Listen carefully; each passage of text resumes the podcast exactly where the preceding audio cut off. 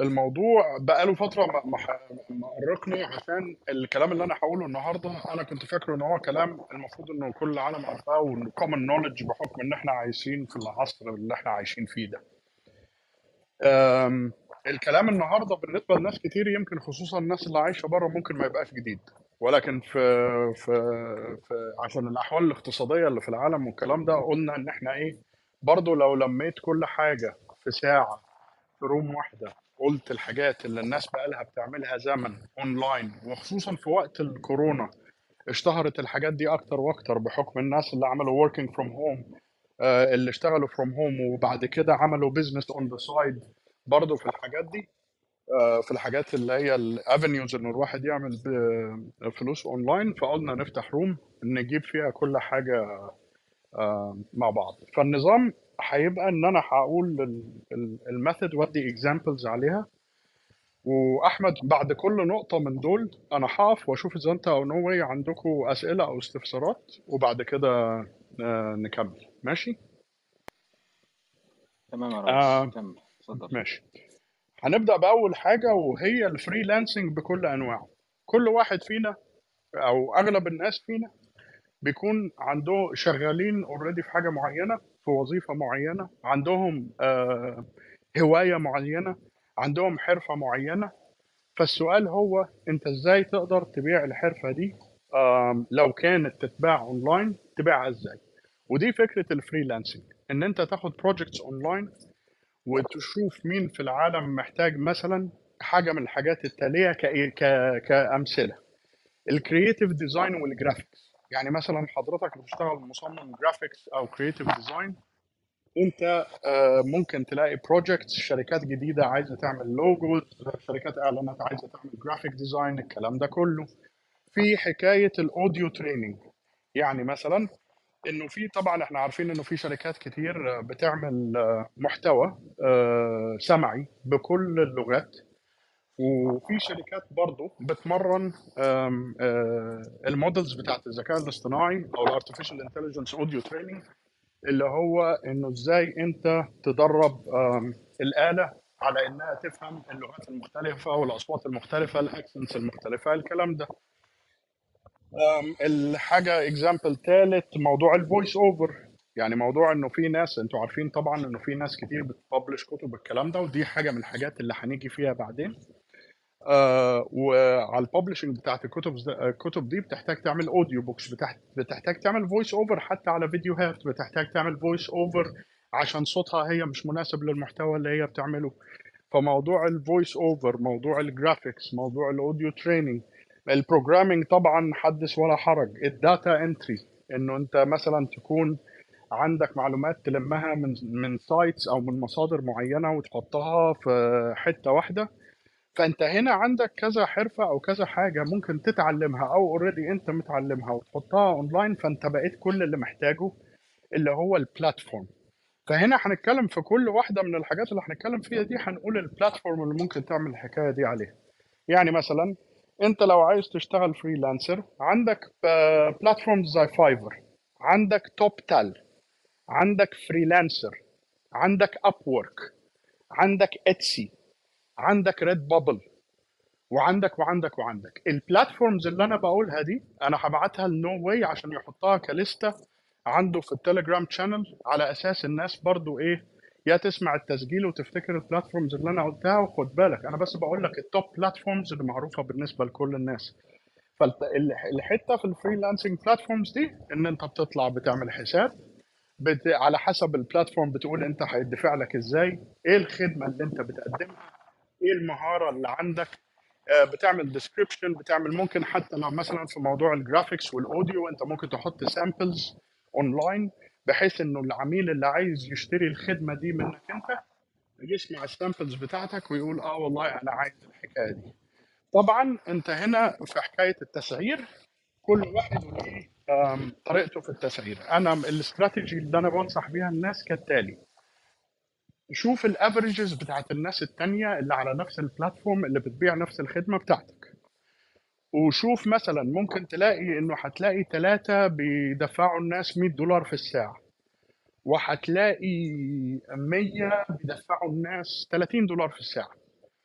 أم، شوف انت إن لو أنت كنت في بدايتك أنت محتاج تبني زبون.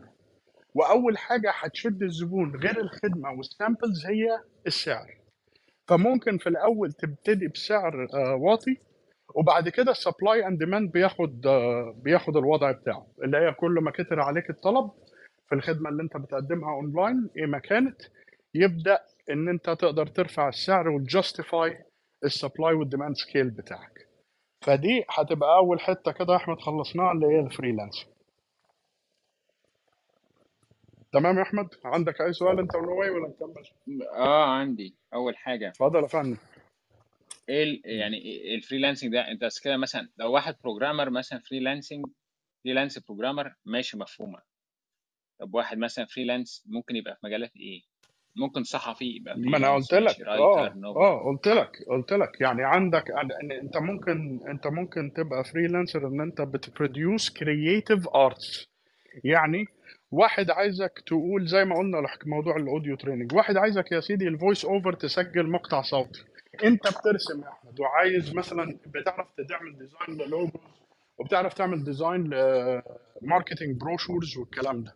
وهتقدر تطلع اونلاين وواحد في ال small businesses مش ال marketing corporates محتاج إن هو يروح أنت هتبقى بالنسبة له ال substitution بتاع إنه يروح ل digital marketing agency يدفع الوفات فهو بدل ما يروح لديجيتال ماركتنج ايجنسي يدفعوه في كل custom graphic أو يدفعوه في كل بروشور قد كده أهو أنت بتبقى ال content producer بتاعه.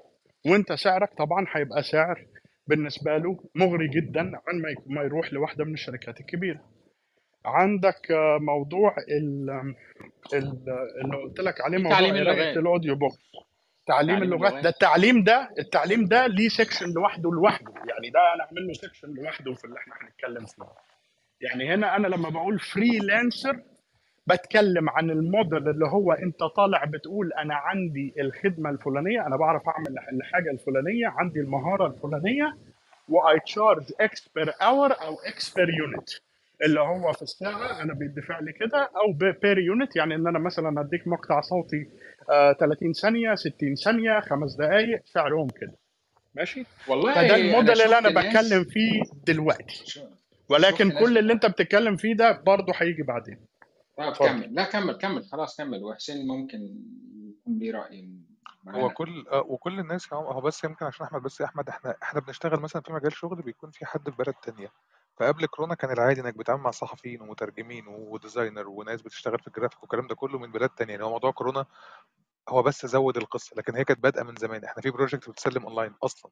في مواقع هو ده شغلها. عشان كده لأ مش بس ال- الحاجة يعني مش بس المهن اللي قالها عمر وأنت قلتها في مهن تانية. في مهن جوه المهن. يعني جوه الجرافيك في مليون حاجة جوه. أنا آسف اتفضل يا عمر.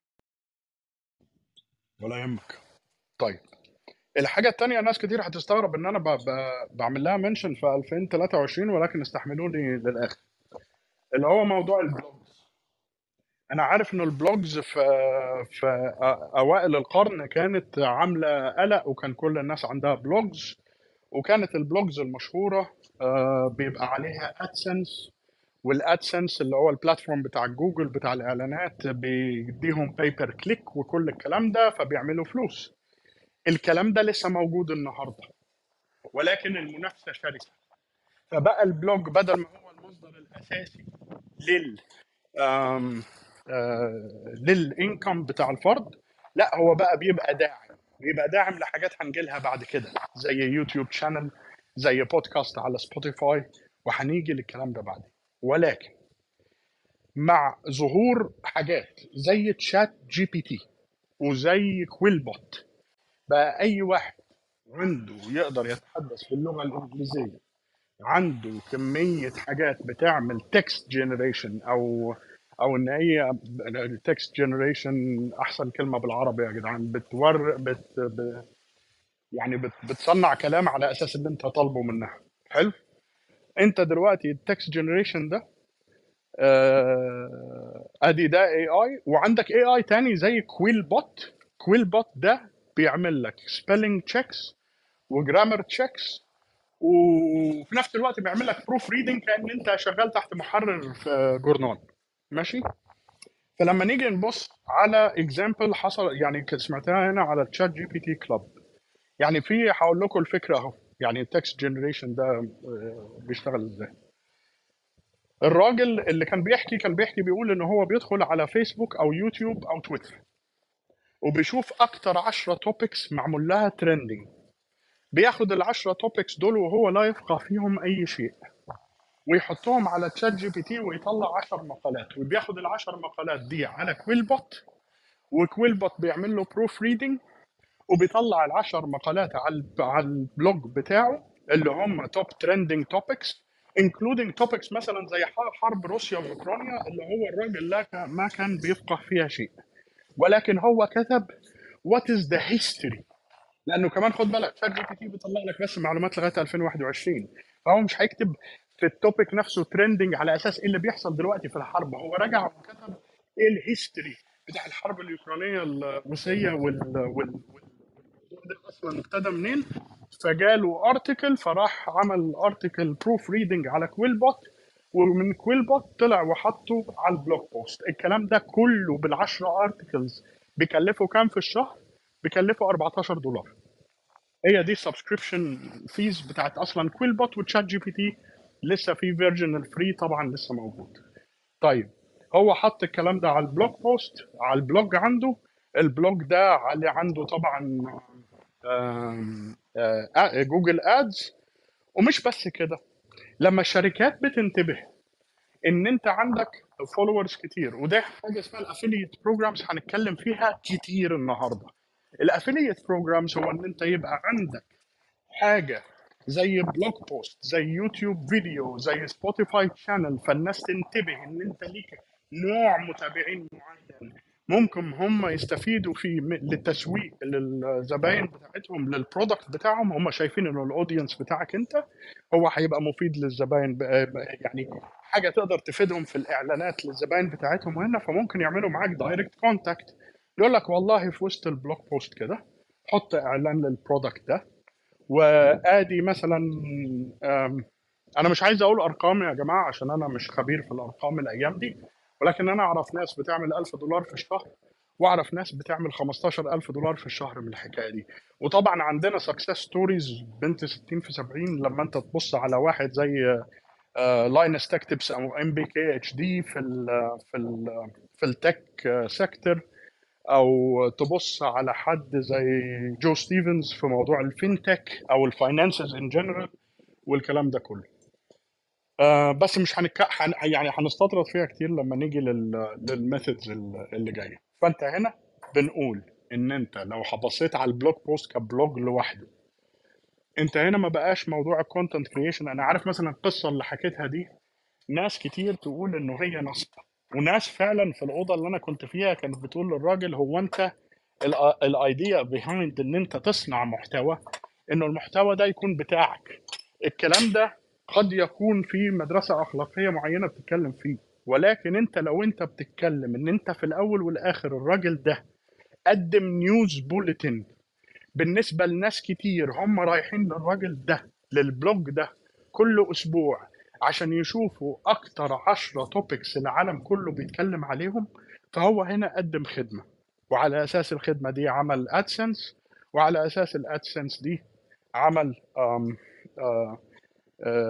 affiliate programs فبالتالي الراجل ده كان بيقول إنه ال income بتاعه النهارده وصل 7000 دولار في الشهر وهو ما بيشتغلش غير عكس الناس. يعني هو بيشتغل سبت وحد وبقية الأسبوع بياخدوا أجازة وهي دي حياته. ماشي؟ طيب. هل في implications للكلام ده بالعربي؟ آه لأن أنت بالعربي مش ضروري إنه ChatGPT هيديك الحاجات الصح. ممكن أنت أصلا تكون صانع محتوى بالعربي وبتعمل blog بالمحتوى فنيجي على الحتة اللي بعديها اللي هي من الطبيعي هنا إن أنت هتبص على الناس ال- اللي بتعمل حاجات الأيام دي وهتلاقي إنه أكبر ترند هو YouTube وال channels فأنت هنا هتعمل YouTube channel وهتنزل عليها محتوى. أكتر حاجة بتقف معوقة بين الناس آه وبين إنهم يفتحوا YouTube channel إنه في ناس كتير مش عايزة تظهر على الكاميرا. وفي ناس كتير مش عايزة آه تطلع بصوتها أو تطلع بشخصيتها. فبالتالي الراجل ده برضه نرجع لقصة الراجل اللي إحنا بنتكلم فيه. الراجل ده عنده المشكلة دي برضه. فالراجل كان بيعمل إيه؟ ال article اللي إحنا طلعناه برضه بيروح على ChatGPT وبيقول له إيه؟ بيقول له طلع لي video script ما انت عشان تعمل فيديو يوتيوب عادة انت بتقعد تعمل سكريبت وتقول هي دي الحاجات اللي عايز أقولها. لما بيبقى عندك فيديو مثلا أنت مركبه آه، ك animations غير إن أنت تقول بشكلك بصوتك بكلامك في الفيديو ممكن يبقى عندك slides ممكن يبقى عندك graphics ممكن يبقى عندك animations أنت بتقعد تعمل حاجة اسمها video script الناس اللي شغالة طبعا في الصحافة والمونتاج والكلام ده بيشتغلوا الكلام ده طول الوقت. الحاجة ال- فهو كان بيقول ل ChatGPT إن أنت تعالى اعمل لي video script ف ChatGPT بيطلع له ال video script طيب. آه عايزين نحل مشكلة إن أنت بينك وبين الكلام ده الصوت. أنت مش عايز تطلع بصوت. هتلاقي platform تاني اسمه Descript Descript يعني D E script هتطلع على Descript هتديله ال video script زي ما هو. Descript ده هيطلع لك ال audio files بالصوت اللي أنت تختاره باللهجة اللي أنت تختارها. طبعا إحنا ال assumption بتاعنا هنا إن إحنا بنتكلم بالإنجليزي. فأي حاجة أنا بقولها من ناحية ال platforms الإنجليزي شوف أنت المقابل ليها ال platforms في العربي. زي ما أنا قلت أنا بس جاي هنا إيه أحاول ألم الليلة على أساس إحنا إحنا اللي بنشوفه في أرض الواقع عندنا. ف Descript بيديك ال audio files بالصوت اللي أنت تختاره باللهجة اللي أنت تختارها. طيب يبقى فضل هنا ال animations وال screens أو الفيديو بتاعك أصلا هيبقى فيه إيه؟ يعني ما أنت مش ممكن هتحط العنوان بس كده على الشاشة وتقعد تتكلم. فبالتالي أنت عايز طبعا الفيديو يبقى attractive عشان عشان يبقى في أحمد الصوت background لسه كويس. آه so الصوت في ال background لا آه طيب تمام.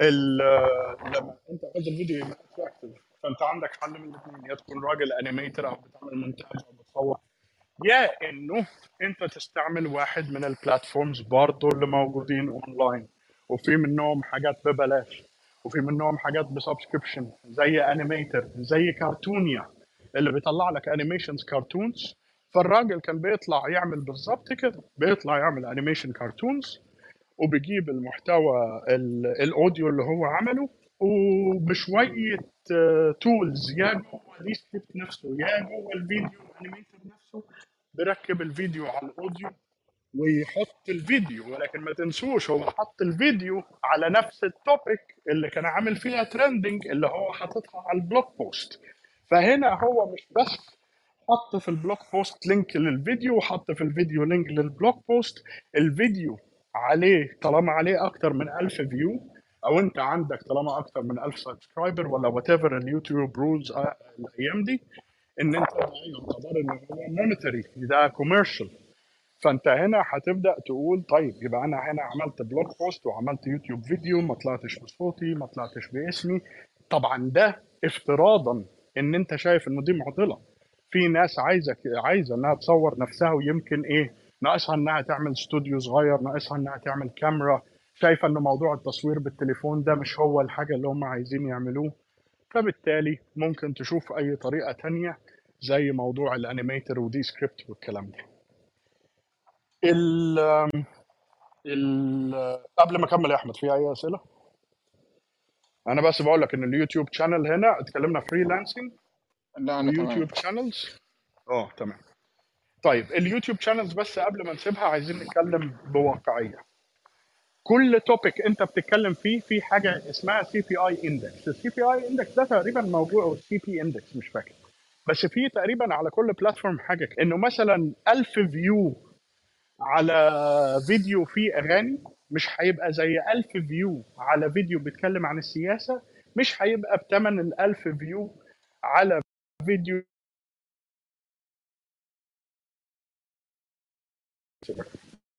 آه، مش هيبقى فيديو نفس ال 1000 view بتاع فيديو زي ال- السياسة أو فلسفة أو technology أو أي حاجة من الكلام ده.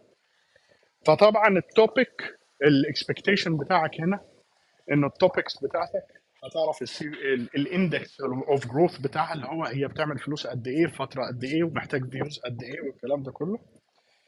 ف ال أنا مش بقول إنه ده بالضرورة معناه إن أنت هتبقى مليونير أنا كل الحاجات اللي بقولها هنا إن هو أنت ال channel دي إن هي تطلع لك passive income يعني إن أنت يبقى عندك مصدر دخل جنب المصدر الدخل الرئيسي أو إنه يبقى عندك مصدر دخل أنت شايفه ممكن أنت تبقى راجل مصدر الدخل ده يكبر معاك في يوم يوصل لمبلغ معين تقول آه تمام هي دي شغلانتي ال full time زي ما إحنا عارفين YouTubers كتيرة بتعمل.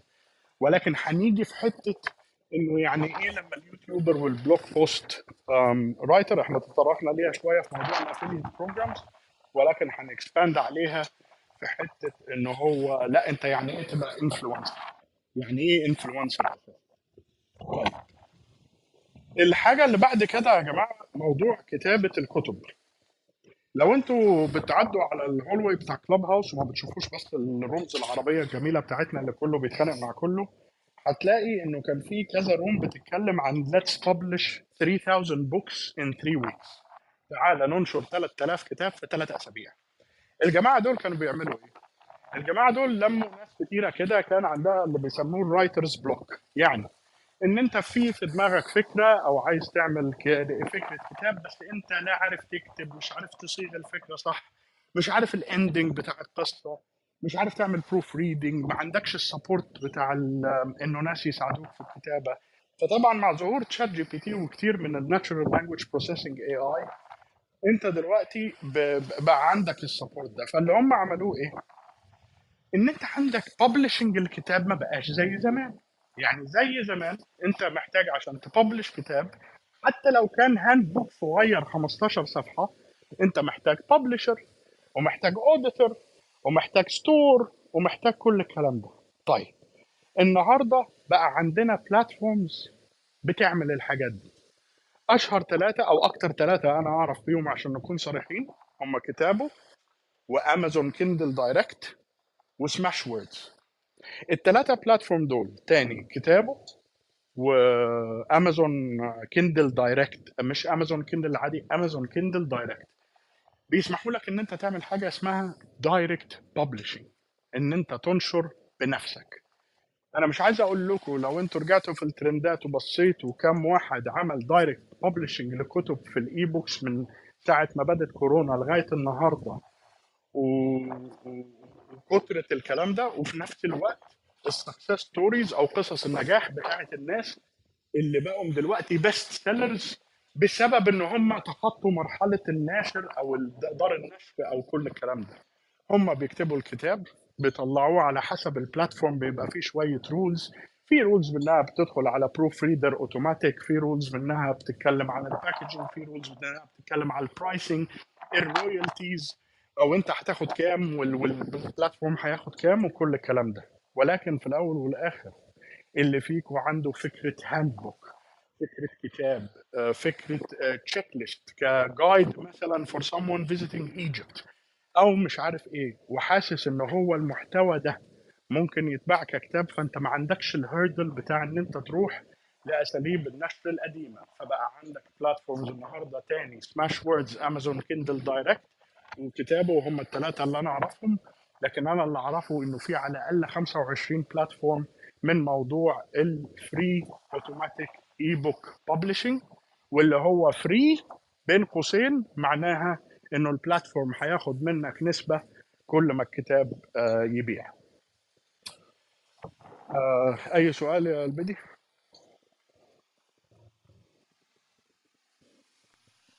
لا تمام يا عمر كمل. تمام. يلا بينا. الحاجة اللي أنتوا طبعا كلكم سمعتوا بيها موضوع البودكاست. موضوع البودكاست ده زمان كان اللي هو في شوية ناس مثقفة أو شوية ناس activist أو شوية ناس كذا قاعدين مع بعض بيتكلموا في حاجة معينة. كان الناس بتبص على البودكاست بتاع Joe Rogan أو Jordan Peterson أو أو أو. ال... النهارده يعني حتى لو أنتوا بصيتوا في فيلم على Netflix اسمه You People. في You People ده كان كل الموضوع إنه البودكاست اللي شغال هو بين يعني جزء من الفيلم يعني بطل الفيلم هو شغلته في الحياة إنه عنده بودكاست white man and a, and an African American man. يعني يعني دي الفكرة. وإنه هو عنده popularity كتير عشان بس ده واحد من عرق معين والتاني من عرق معين عايشين في الحياة السياسية الأمريكية وبيكلموا بعض. وكان هي دي فكرة النجاح. أنا شايف حاجات من دي كتير على أرض الواقع بما فيها أصحابي اللي بيتكلموا في كل حاجة من أول ال gaming لغاية ال shopping لغاية الكلام ده. وعاده البودكاست ده يا بيلحق انه بيبقى عامل blog أو أو أو platform تاني أو كتاب تاني زي نشره قبل كده فهو البودكاست ده بناقش الأفكار أو ال areas اللي في الكتاب. أنتوا لاحظوا إزاي كل حاجة مربوطة ببعضها؟ وفي حاجات مش هتبقى مربوطة ببعضها بس بصوا التسلسل لغاية دلوقتي إن أنت لو أخدتها من الأول وعملت blog ف YouTube channel ف podcast ف e-book أنت almost إن أنت بتعمل لنفسك زي شبكة كاملة من الإنتاج المعرفي في أي مجال أنت تلاقيه مناسب والشبكة دي كل حتة فيها بتجيب فلوس مش بالضرورة انه كل حتة فيها هتجيب المبلغ كله أو الملايين كلها ولكن المفروض إن أنت لما بتفكر في making money online إن أنت بتبص على إن أنت إزاي هت diversify ال income في ال room اللي قبل دي قبل ما ندخل. كانوا الناس بيتكلموا على diversifying ال income أو تنوع مداخل الس- آه، sorry آه، آه، تنوع مصادر الدخل. قبل آه، على مستوى الدول. أنا بقول لكم هنا إن أنتم محتاجين تفكروا فيها على مستوى الأفراد. والفي... والأفكار اللي جاية هتوريكم برضو إن أنتم ممكن إزاي تتنوعوا في الحكاية دي. طيب نيجي للحاجات ال... ال... ال... ال... شوية traditional بقى. التجارة ما انتهتش. موضوع ال drop shipping ده لسه شغال. أنا عارف الناس اللي في مصر عندها هيبقى في كام معضلة كده جمارك وما جمارك بس أنا هتكلم هنا in general ولو دي حاجة ما تناسبكش ولا تناسب الدولة اللي انت فيها أو تناسب الضرايب أو أو أو بس ال drop shipping ده ما ينفعش نتكلم عن إن انت تعمل فلوس اونلاين من غير ما نتكلم عنه أكيد كل واحد فيكم لما بيدخل على انستجرام بيشوف إعلانات كتير عن مكن حلاقة عن كورة معينة عن حاجات تشتريها لعيالك عن عن عن عن, عن. الحاجات دي كلها بالنسبة لي بتنزل تحت ال drop shipping بحيث إنه ال brands دي هي مش brands كبيرة بالضرورة ولكن اللي حصل ان واحد حط تصميم ل product ال product ده لقى إعجاب في بعض الدول أو بعض الناس. فالناس بقت تروح على Alibaba dot com تطلب من ال product ده بالجملة بسعر معين وتاخده عندهم. تطلع على ال platforms اللي زي فيسبوك واللي زي انستجرام أو زي Shopify وتعمل stores وتبيع البضاعة دي عليها. فدي تجاره آه التجارة دي لو انت رجعت بس 30 40 سنة لو- ورا كانت حكر على الراجل اللي بيست... بيستورد. كانت حكر على الراجل اللي, اللي عنده محل. ممكن انت تروح تزوره في المحل. ده الراجل اللي عنده رأس مال ان هو آه، يروح ويأجر مكان في مول. النهارده ال drop shipping انت حرفيا ممكن تبقى middle man وحتى موضوع ال storage ده ما تبقاش بتعمل storage locally وحتى لو عملت تعمل لكميات قليلة قوي لغاية ما يجي لك طلبية كبيرة. فموضوع إن أنت تبقى زي تاجر middle man أو تاجر بتستورد بكميات صغيرة من platforms زي علي بابا أو من بلد معينة بتبيع منتج معين غير إن أنت لما بتطلع على علي بابا وتشتري المنتجات دي هم بالضرورة بيدوك حاجات كتيرة تعمل بيها ال branding بتاعك تعمل بيها ال white label بتاعك تحط عليها البصمة بتاعتك انت ويتباع ال product باسمك انت. الحاجة الوحيدة اللي هقول لك تنتبه لها أو تنتبه لها إنه في حاجات أحيانا بتبقى فيها copyright violation وده برضو بيعتمد على البلد اللي أنتوا فيها. وبيعتمد إيه ال product ومصدره جاي منين والكلام ده كله.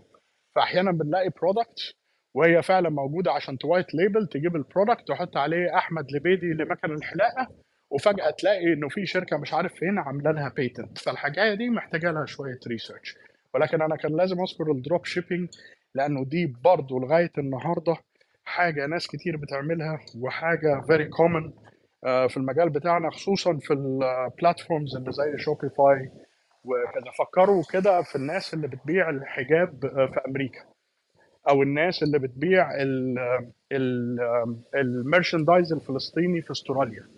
ناس كتير من دول متعاقدين مع ناس مثلا في الأردن أو في فلسطين وبيجيبوا الحاجات دي هنا. start in very small quantities لما بتجي لهم آه، نسبة كبيرة بيبيع بي- بيطلبوا طلبية أكبر. مش بس كده هم مش بس بيبقوا بيشتغلوا في حاجة واحدة. أنت مجرد ما بتبدأ في ال drop shipping بيبدأ التنوع اللي أنت بتشوفه. يا ده أنا ممكن أطبق نفس النموذج ده على المنتج ده والمنتج ده والمنتج ده وممكن أنزل بكذا اسم وممكن أنزل بكذا واجهه وكل الحكاية بتبقى repeatable بتقدر تعمل لها تكرار على حسب ال platforms وبيبقى ال process كله. المهم إن أنت تكون طبعا يعني من ناحية ده لأن أنت you're operating a business تكون فاهم الجمارك البلاد اللي أنت فيها فاهم يعني إيه ال shipping وتكلفه النقل آه، فاهم آه، ال- المسؤوليات الضريبيه بتاعتك آه، وده يعتمد أنت أنت ساكن فين طبعا. طيب لما أنا قلت إن أنا هفتح room على دي كان أول سؤال جاني من واحد من الأصدقاء اللي هو يا جماعة هو إيه موضوع ال online surveys و online مش عارف إيه اللي إحنا بنشوفه ده في كل حتة؟ يعني أنا أروح أعمل survey وآخد عليه فلوس أنا أروح مثلا أعمل فيديو sorry أتفرج على فيديو وآخد عليه فلوس. أي نعم الكلام ده موجود. وهقول لكم الكلام ده مربوط بإيه؟ إيه الحاجات اللي ليه واللي عليه. الكلام ده اللي ليه إن إحنا دلوقتي محتاجين data كتير عن حاجات معينة عشان نفيد ال analytics يعني ممكن إحنا طبعا ضد موضوع ال privacy والكلام اللي هم بيعملوه من ناحية ال social profiling ولكن فكر فيها إنه لو واحد عايز statistics لل product بتاعه أو المجال اللي هو بيبيع فيه ال product بتاعه أو ال industry أو ال market هو محتاج معلومات. المعلومات ده أحيانا ما بتبقاش موجودة. فممكن انت تروح ل platform معينة تقول أنا عايز survey وأنت شغلتك إن أنت تجيب لي ناس ترد على ال survey ده. أنت وأنت قاعد في الشغل ممكن وأنت موظف يجي لك survey تبص على الورقة وترميها في الزبالة. فهنا بقى لازم محفز إن أنت تعمل ال survey فطلعت هنا survey platforms اللي هي بتقول لك كالتالي. أنا عايزاك تملالي أنا عايزك تملالي ورقة الأسئلة دي. أو تلعب لعبة معينة وتقول لي فيها رأيك. أو تتفرج على فيديو وتقول لي فيه ال honest feedback بتاعك أو تقرأ إيميلات وتلخصها. ال platforms دي طلعت بكثرة في فترة من الفترات وكان الطريقة اللي أنت بيدفع لك بيها مش بالضرورة بتبقى كاش أو فلوس في حسابك. كانت بيبقى فيها ال reward إن أنت ممكن تاخد points ال points دي أنت بتستخدمها في إن أنت تشتري products تانية. طبعا لما حد يسمعني بقول الكلمتين دول وعجوز يعني أو عاش في التسعينات زي حالاتي هيفتكر النظام الهرمي اللي هو ال pyramid schemes للأسف في platforms كتير استغلوها الناس في ما يعملوا pyramid schemes من الحاجات دي. فطبعا اللي على رأس الهرم هو اللي كسبان كالعادة لغاية ما ال pyramid schemes دي أصلا اتجرمت واللي. وهل لسه موجودة اونلاين آه موجودة. operating من بلاد يمكن ال pyramid schemes ما ت... ما ت... آم، آم، ما اتجرمتش فيها ولكن احترسوا من ال platforms اللي عليها pyramid schemes طيب لو أنتوا بقى عايزين تشوفوا platforms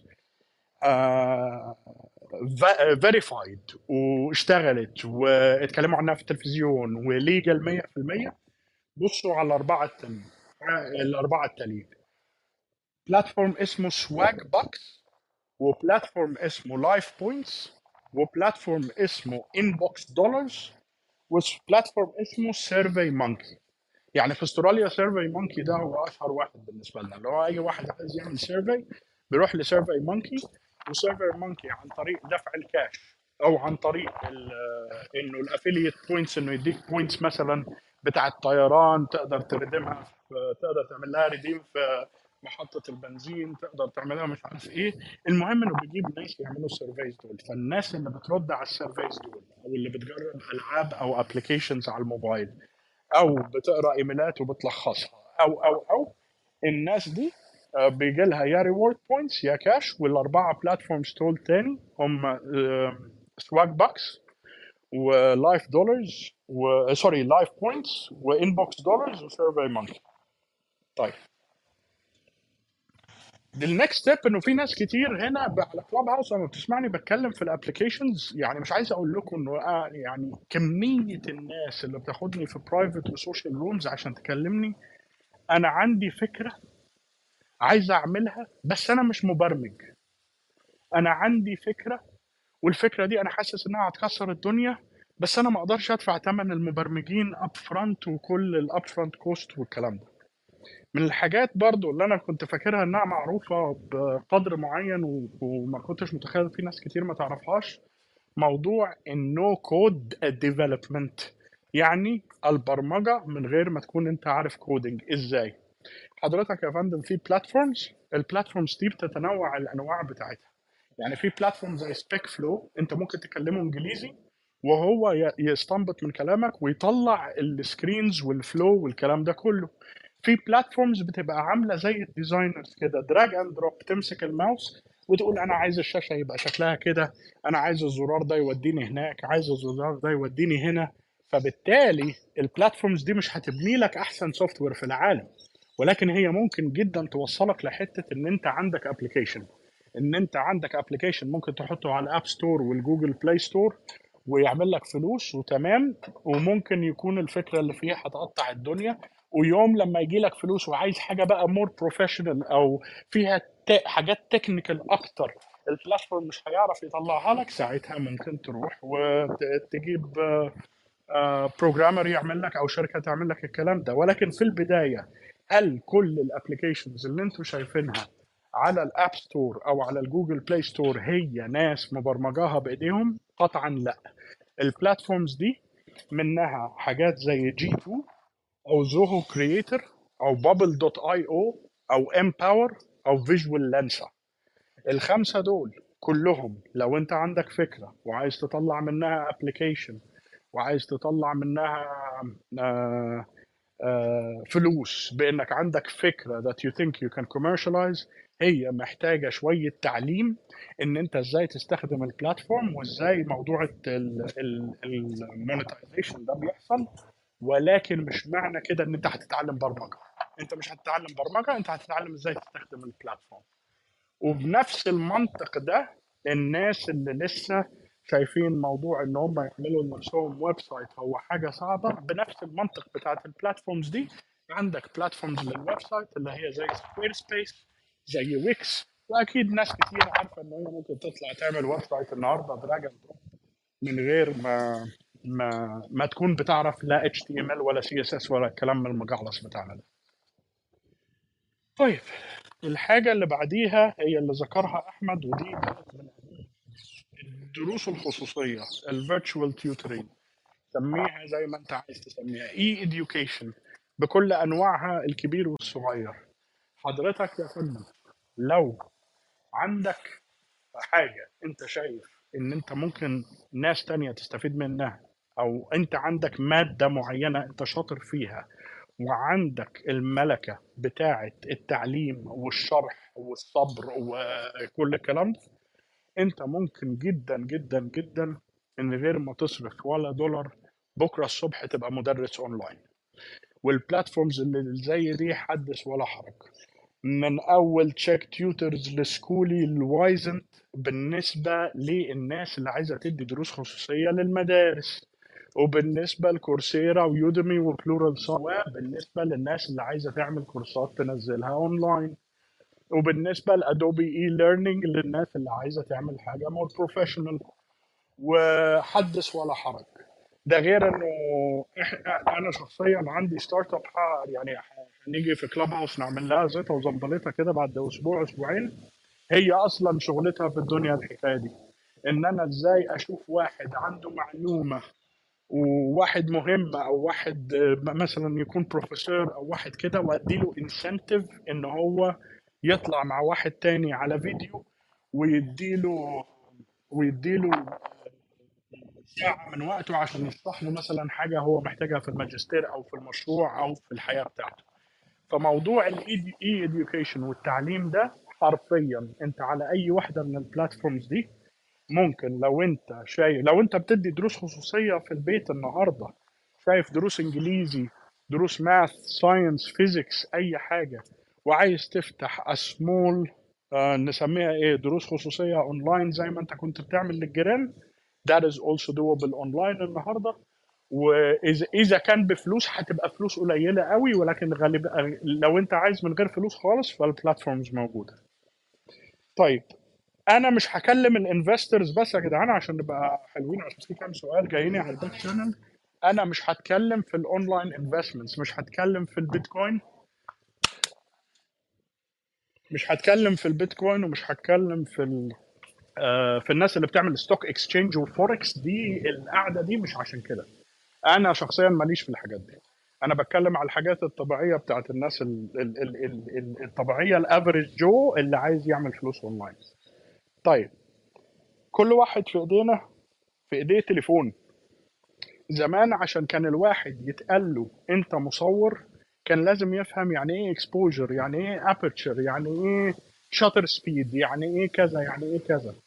النهارده واحد زي أحمد اللبيدي بيسافر 785 بلد في في السنة بيصور صور عظيمة. وبيروح كذا بلد بيبقى فيها الصور very unique لأنه هو اللي ماخدها بتليفونه. طيب كل واحد فينا ممكن يكون عنده 5000 6000 صورة. في الخمس سنين اللي فاتوا والخمس 6000 صورة دول هو مش مستفيد منهم حاجة غير إنهم ذكريات. وفعلا ممكن يكون فيهم ناس هم بالنسبة له ده موضوع privacy ولكن في نفس الوقت ممكن يكون مصور بحار جبال مناطق سياحية حاجات معينة في بلاد معينة هو زارها حيوانات معينة لقطها في حتة معينة فصورها. الصور دي اللي على الموبايل يا فندم ممكن تعمل لك فلوس. فلو بصينا على platforms زي Picfair أو زي Adobe Adobe Stock Photos حضرتك كل المطلوب منك إن أنت تطلع تعمل account تطلع تعمل لنفسك كتالوج وصفحة الكلام ده ببلاش حرفيا. وبعد كده تحط الصور بتاعتك وتقول كل صورة عايز تبيعها في كام أو تعمل packages أو أو أو.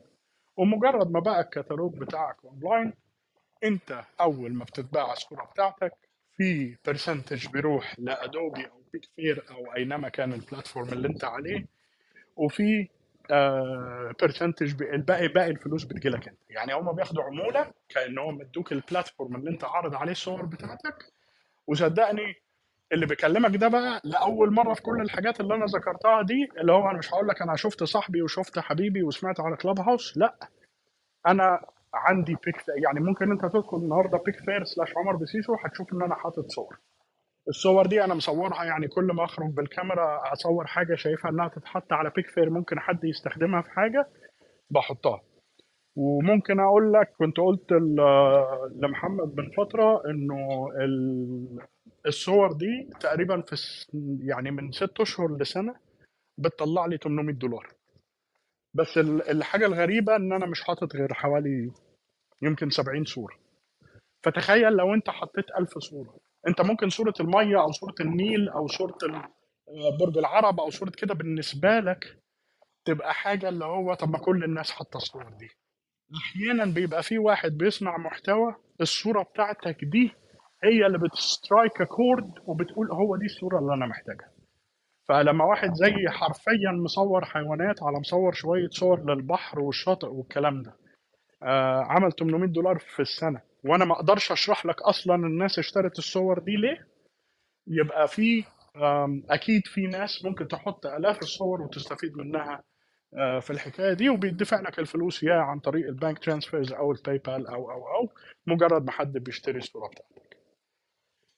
الحاجة ال ال الأخيرة تحت ال common trends خدوا بالكم أنا الأوضة دي أنا كنت بقول ال common trends اللي موجودة حوالينا واللي أنا عارف إن هي عليها إحصائيات إنه في ناس كتير بتعملها ومش حاجة نيش ومش حاجة محتاجة إن أنت تبقى إيه دكتور جامعة أو معاك بكالوريوس معين دي حاجات كلها أنت ممكن تستفيد منها من مهاراتك الموجوده عندك النهارده أو من مهارة ممكن تتعلمها بسهولة. والحاجة الأخرانية هو بيع الحاجات القديمة. اي باي لسه ما ماتش. الفكرة بتاعت اي باي لسه ما ماتتش. اي باي ك platform أنت مش عاجبك مش مشكلة. ولكن حرفيا لو أنت بصيت حواليك آه، في البيت أنت عندك كام حاجة قديمة أنت ما استخدمتهاش بقالك سنين؟ عندك كام كتاب؟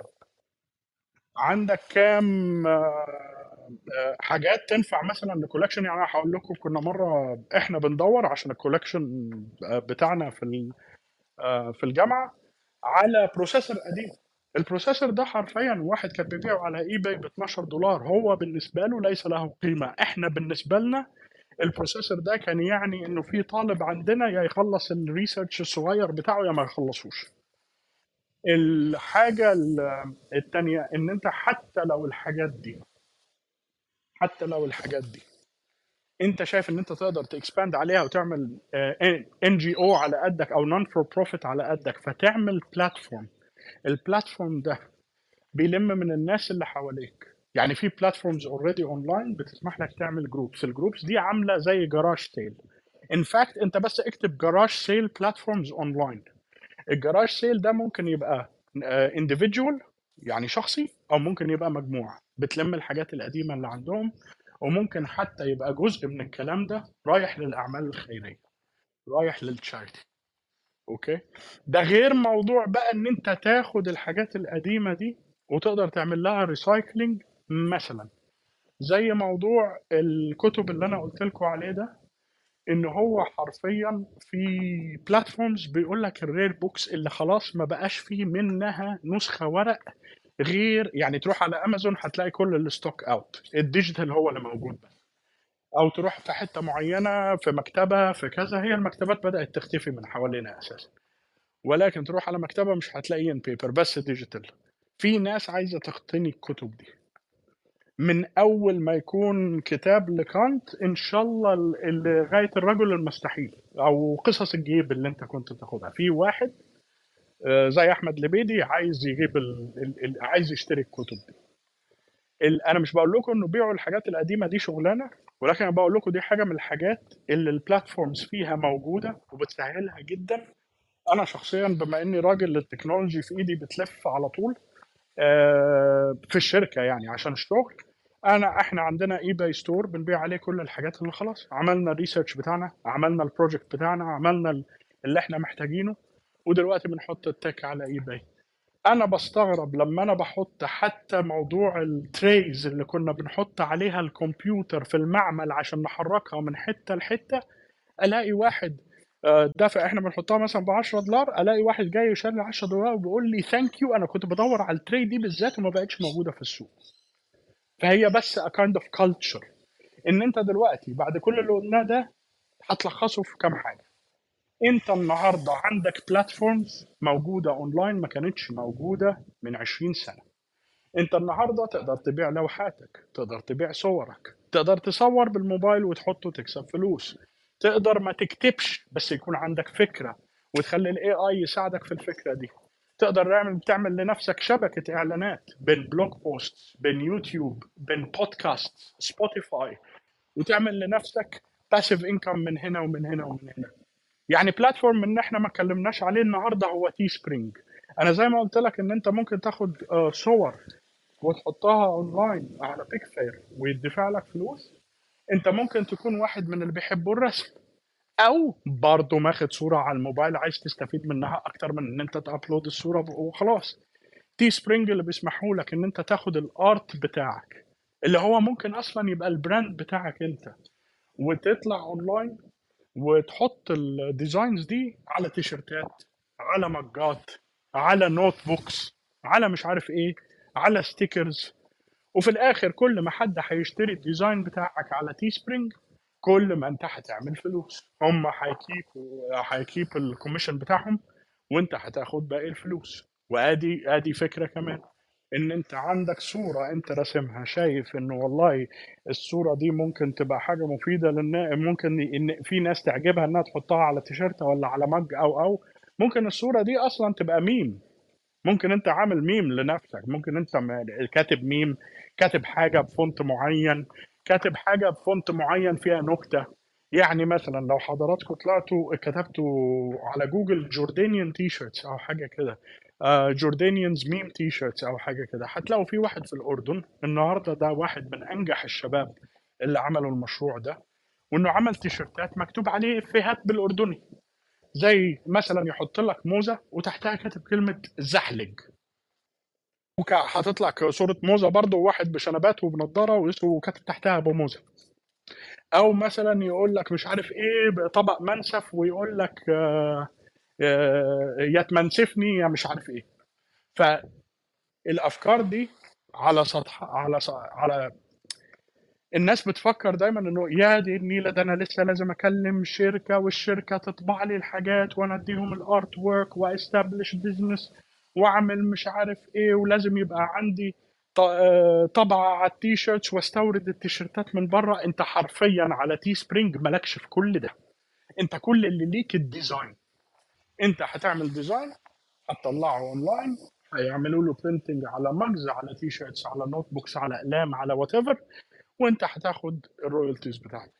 فكان القصد إنه لو أنت بتعمل freelancing لو أنت بتعمل art لو انت بتعمل عايز YouTube channel و blog و podcast وتعمل لنفسك قاعدة. لو انت كاتب وخايف من موضوع النشر ومن موضوع دار النشر وازاي تعمل ال logistics دي. لو انت simply شايف نفسك ان انت ليك في العمل الروتيني فقط وعايز تعمل surveys online وعايز تتفرج على فيديو وتقول للناس آه الفيديو ده وحش لا الفيديو ده حلو لا الفيديو ده مش عارف إيه. تلعب لعبة صغيرة على الموبايل وتكتب review تعمل آه، شايف نفسك تعرف تدرس حاجة أو تقدر تفيد ناس بمعلومة.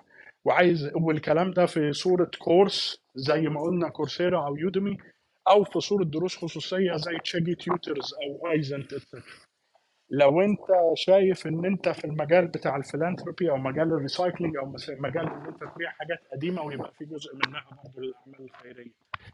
كل ده من 20 سنة كان محتاج إن أنت تقعد تفكر في مليون حاجة بره الموضوع عشان تعملها النهارده البلاتفورمز اللي موجودة اونلاين بقت تسمح لنا إن إحنا نعمل كل الكلام ده بسهولة. وأنا هنا أنت ودي اللي أنا كنت عايز أصدعكم بيه بقالي فترة. وأشكركم open for discussions طبعا براحتك بس أنا يعني تمام كده. طيب شكرا يا عمر. أنا بس هتكلم عن الحاجات اللي أنا كان عندي احتكاك معاها بشكل شخصي وشفتها يعني.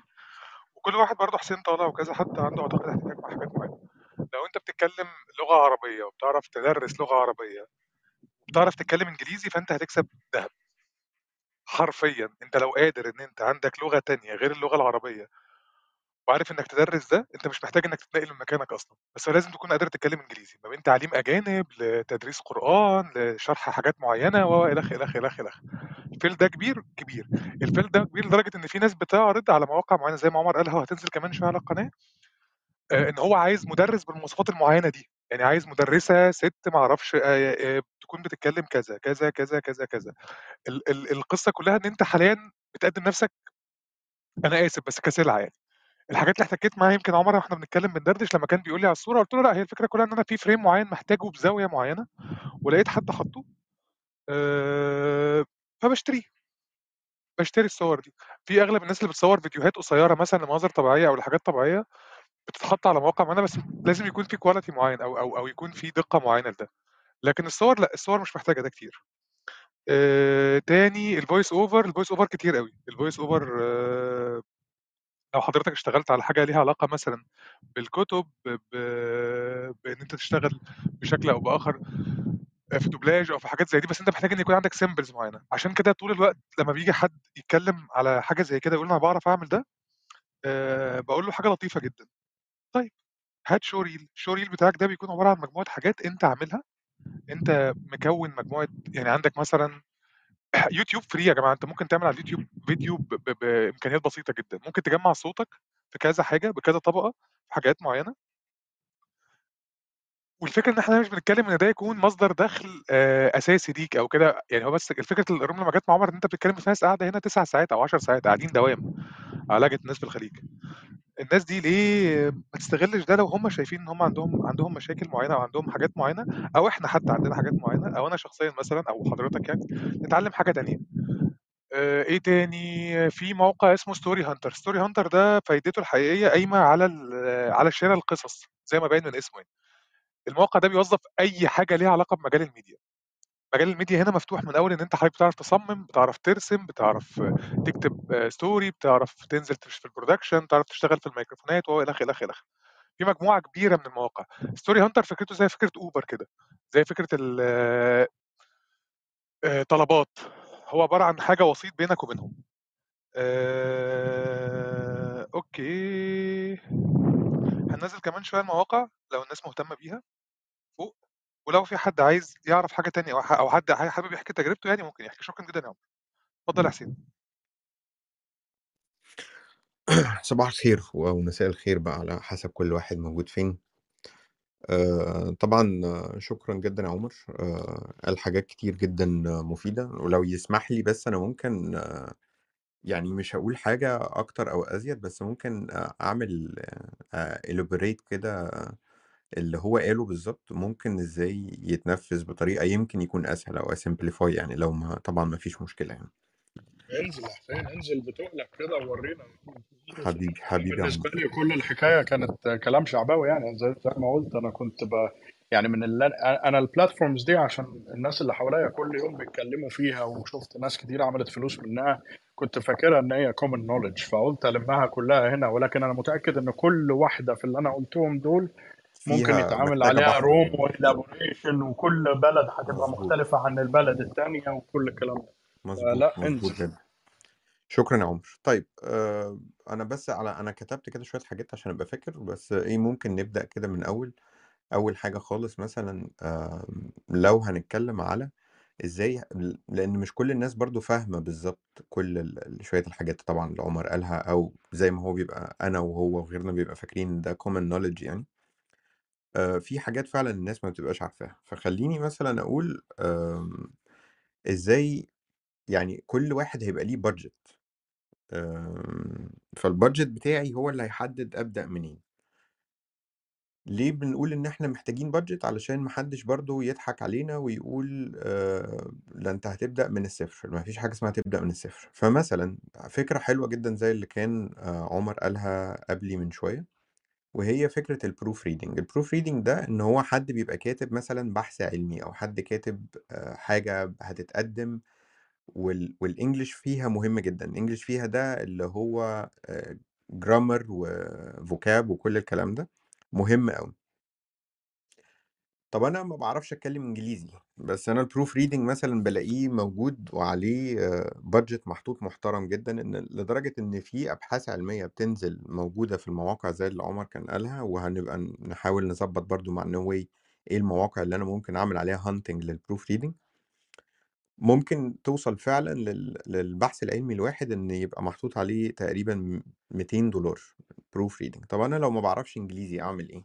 تعمل حاجة سهلة جدًا، في اختيار من الاختيارين، يا إما هتروح على موقع تاني اسمه Grammarly وتعمل اشتراك شهري تقريبًا ب$15 وتاخد البحث العلمي ده على Grammarly هيبدأ يعمل لك آآ correction للgrammar بتاعك، يبقى أنت كده حليت الأزمة خالص، يبقى أنت ما بتعملش أنت عامل زي بالضبط اللي أخد طاقية ده لبّسها لده.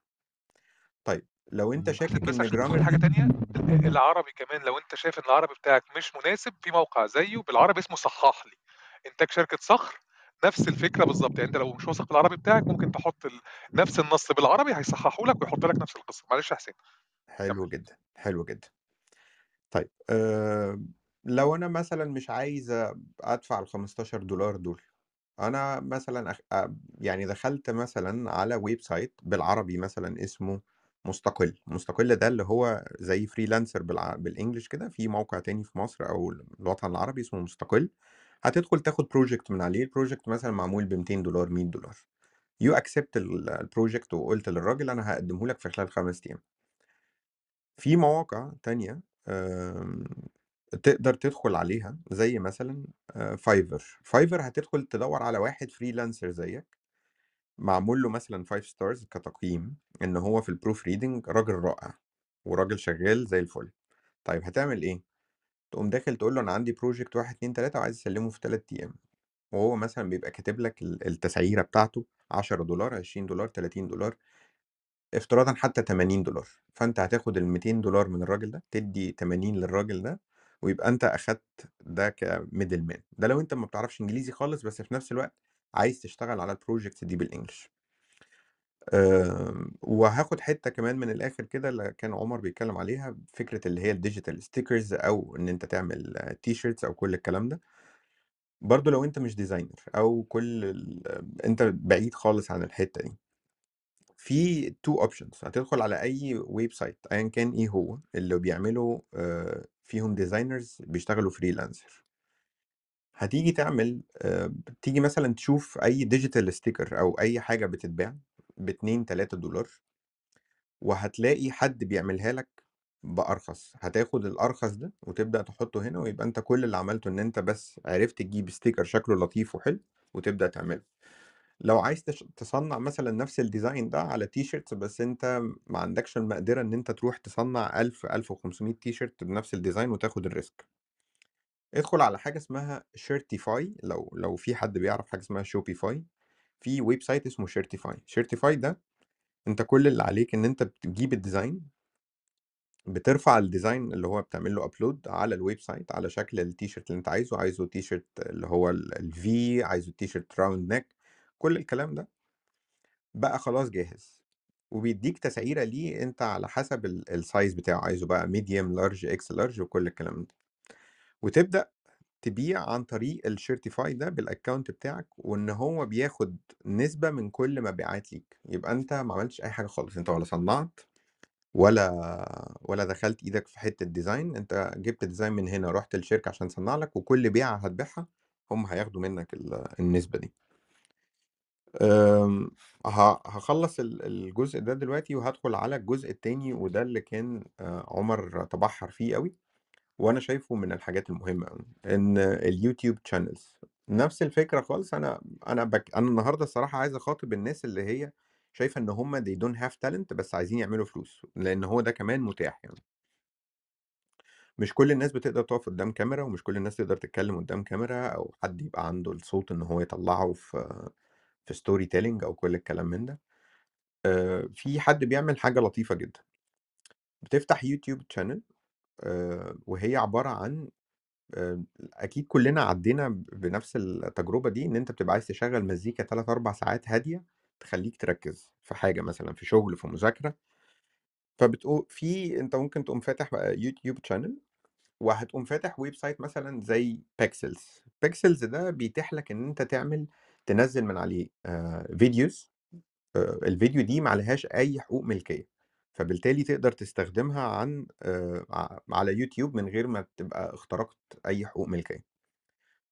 هتجيب الفيديو ده مثلا ل- لبحر ل oceans لغابات آه، لحاجات كده وهتقوم جايب برضو في مواقع تانية بتنزل مزيكا هادية خالص اللي هي بتبقى من غير royalty هتحط ده وده مع بعض.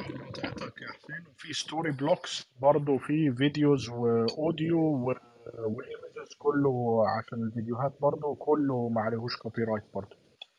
Storyblocks و Pexels أنا أنا كان المفروض أقول الاثنين دول Storyblocks و Pexels عظيمين عظيمين. حلو جدا. برضو أعتقد إن يعني إيه برضو كل الحاجات اللي إحنا بنتكلم فيها دي هنظبطها ونحطها في القناة بتاع التليجرام وهيبقى مكتوب تحتها إيه بتاع إيه. يعني ال link ده بتاع عشان تنزل فيديو مثلا معلهوش حقوق ملكية أو كده.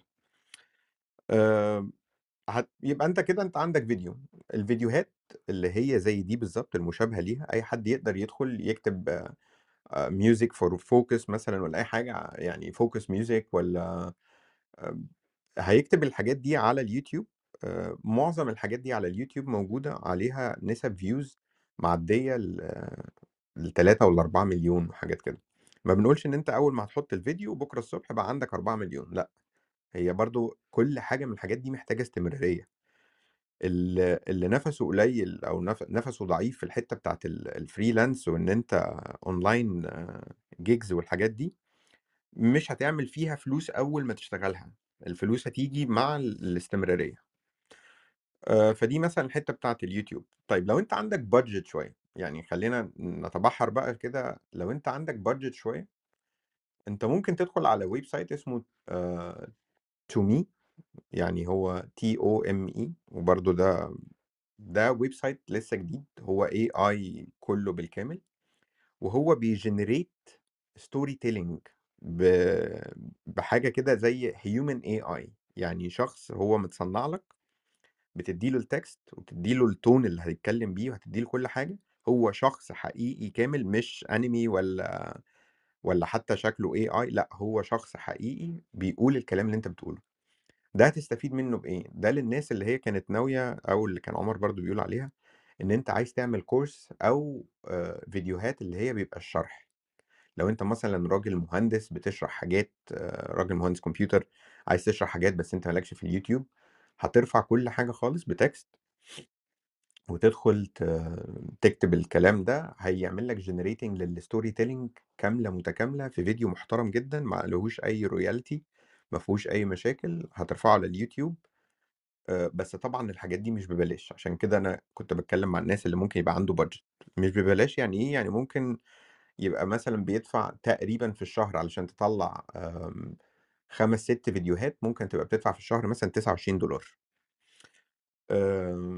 طيب غير آآ لأ أنا بس عايز آخر حاجة كمان للقصة بتاعة اليوتيوب دي.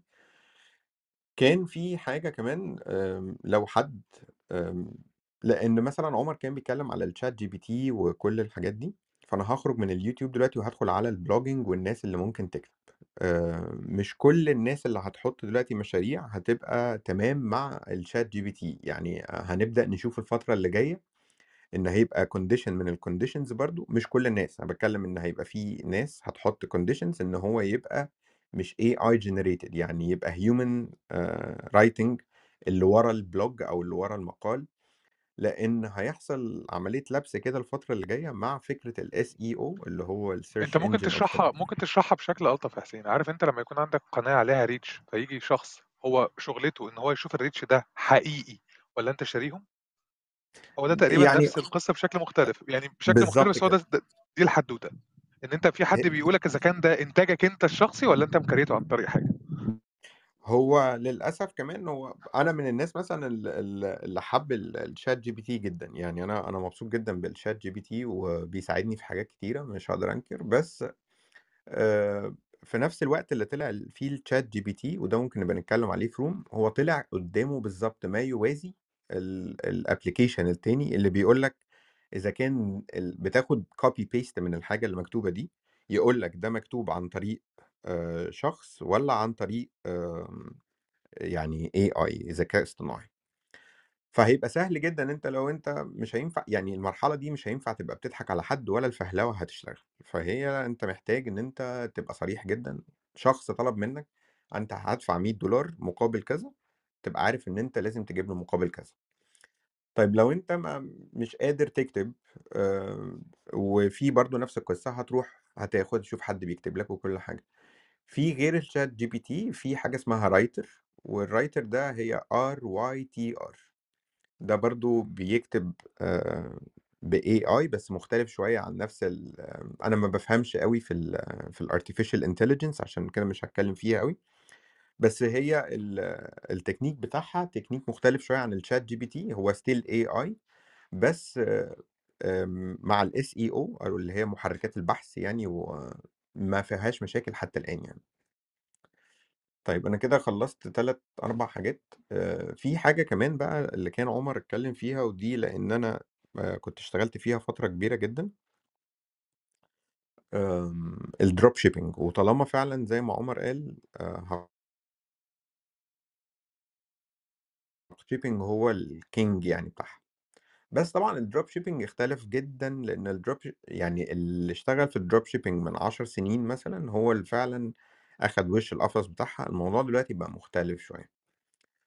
فالdrop shipping هو عبارة عن عشان أسهّله خالص للناس لو حد مش فاهم الفكرة دي. أنت شخص ولا عندك محل ولا عندك بضاعة ولا عندك مخزن، بس still بتبيع وعندك زبون. دي بتبقى العملية دي بتتعمل إزاي؟ هي كلّها عبارة عن ربط إلكتروني. الربط الإلكتروني ده بيحصل على 3 مواقع بالضبط، أول موقع مثلًا منهم اللي هو علي إكسبريس.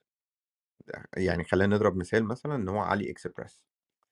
علي إكسبريس ده هتدخل تلاقي المنتج اللي أنت عايزه آآ أو بتدوّر عليه أو أي حاجة.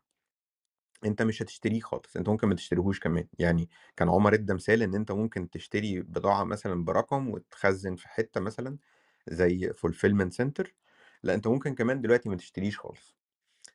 أنت هتفتح مو ده لو عندك budget يعني، هتفتح web site الweb site ده مثلًا على موقع زي حاجة اسمها shopify، shopify ده platform تدخل عليه تقدر تعمل web site بتاعك في خلال 3، 4 ساعات.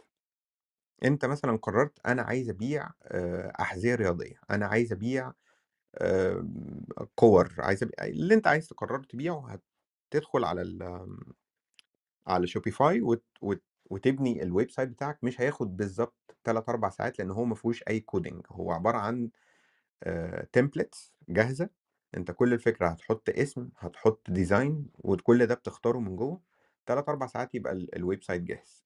اللي هتعمله إيه؟ إن أنت هتربط ال website بتاعك ده بحاجة اسمها Oberlo Oberlo ده ده اللي هو بيسموه third party website وده اللي هو بيعرف يربط بينك وبين آلية الدفع وبين ال supplier بتاعك.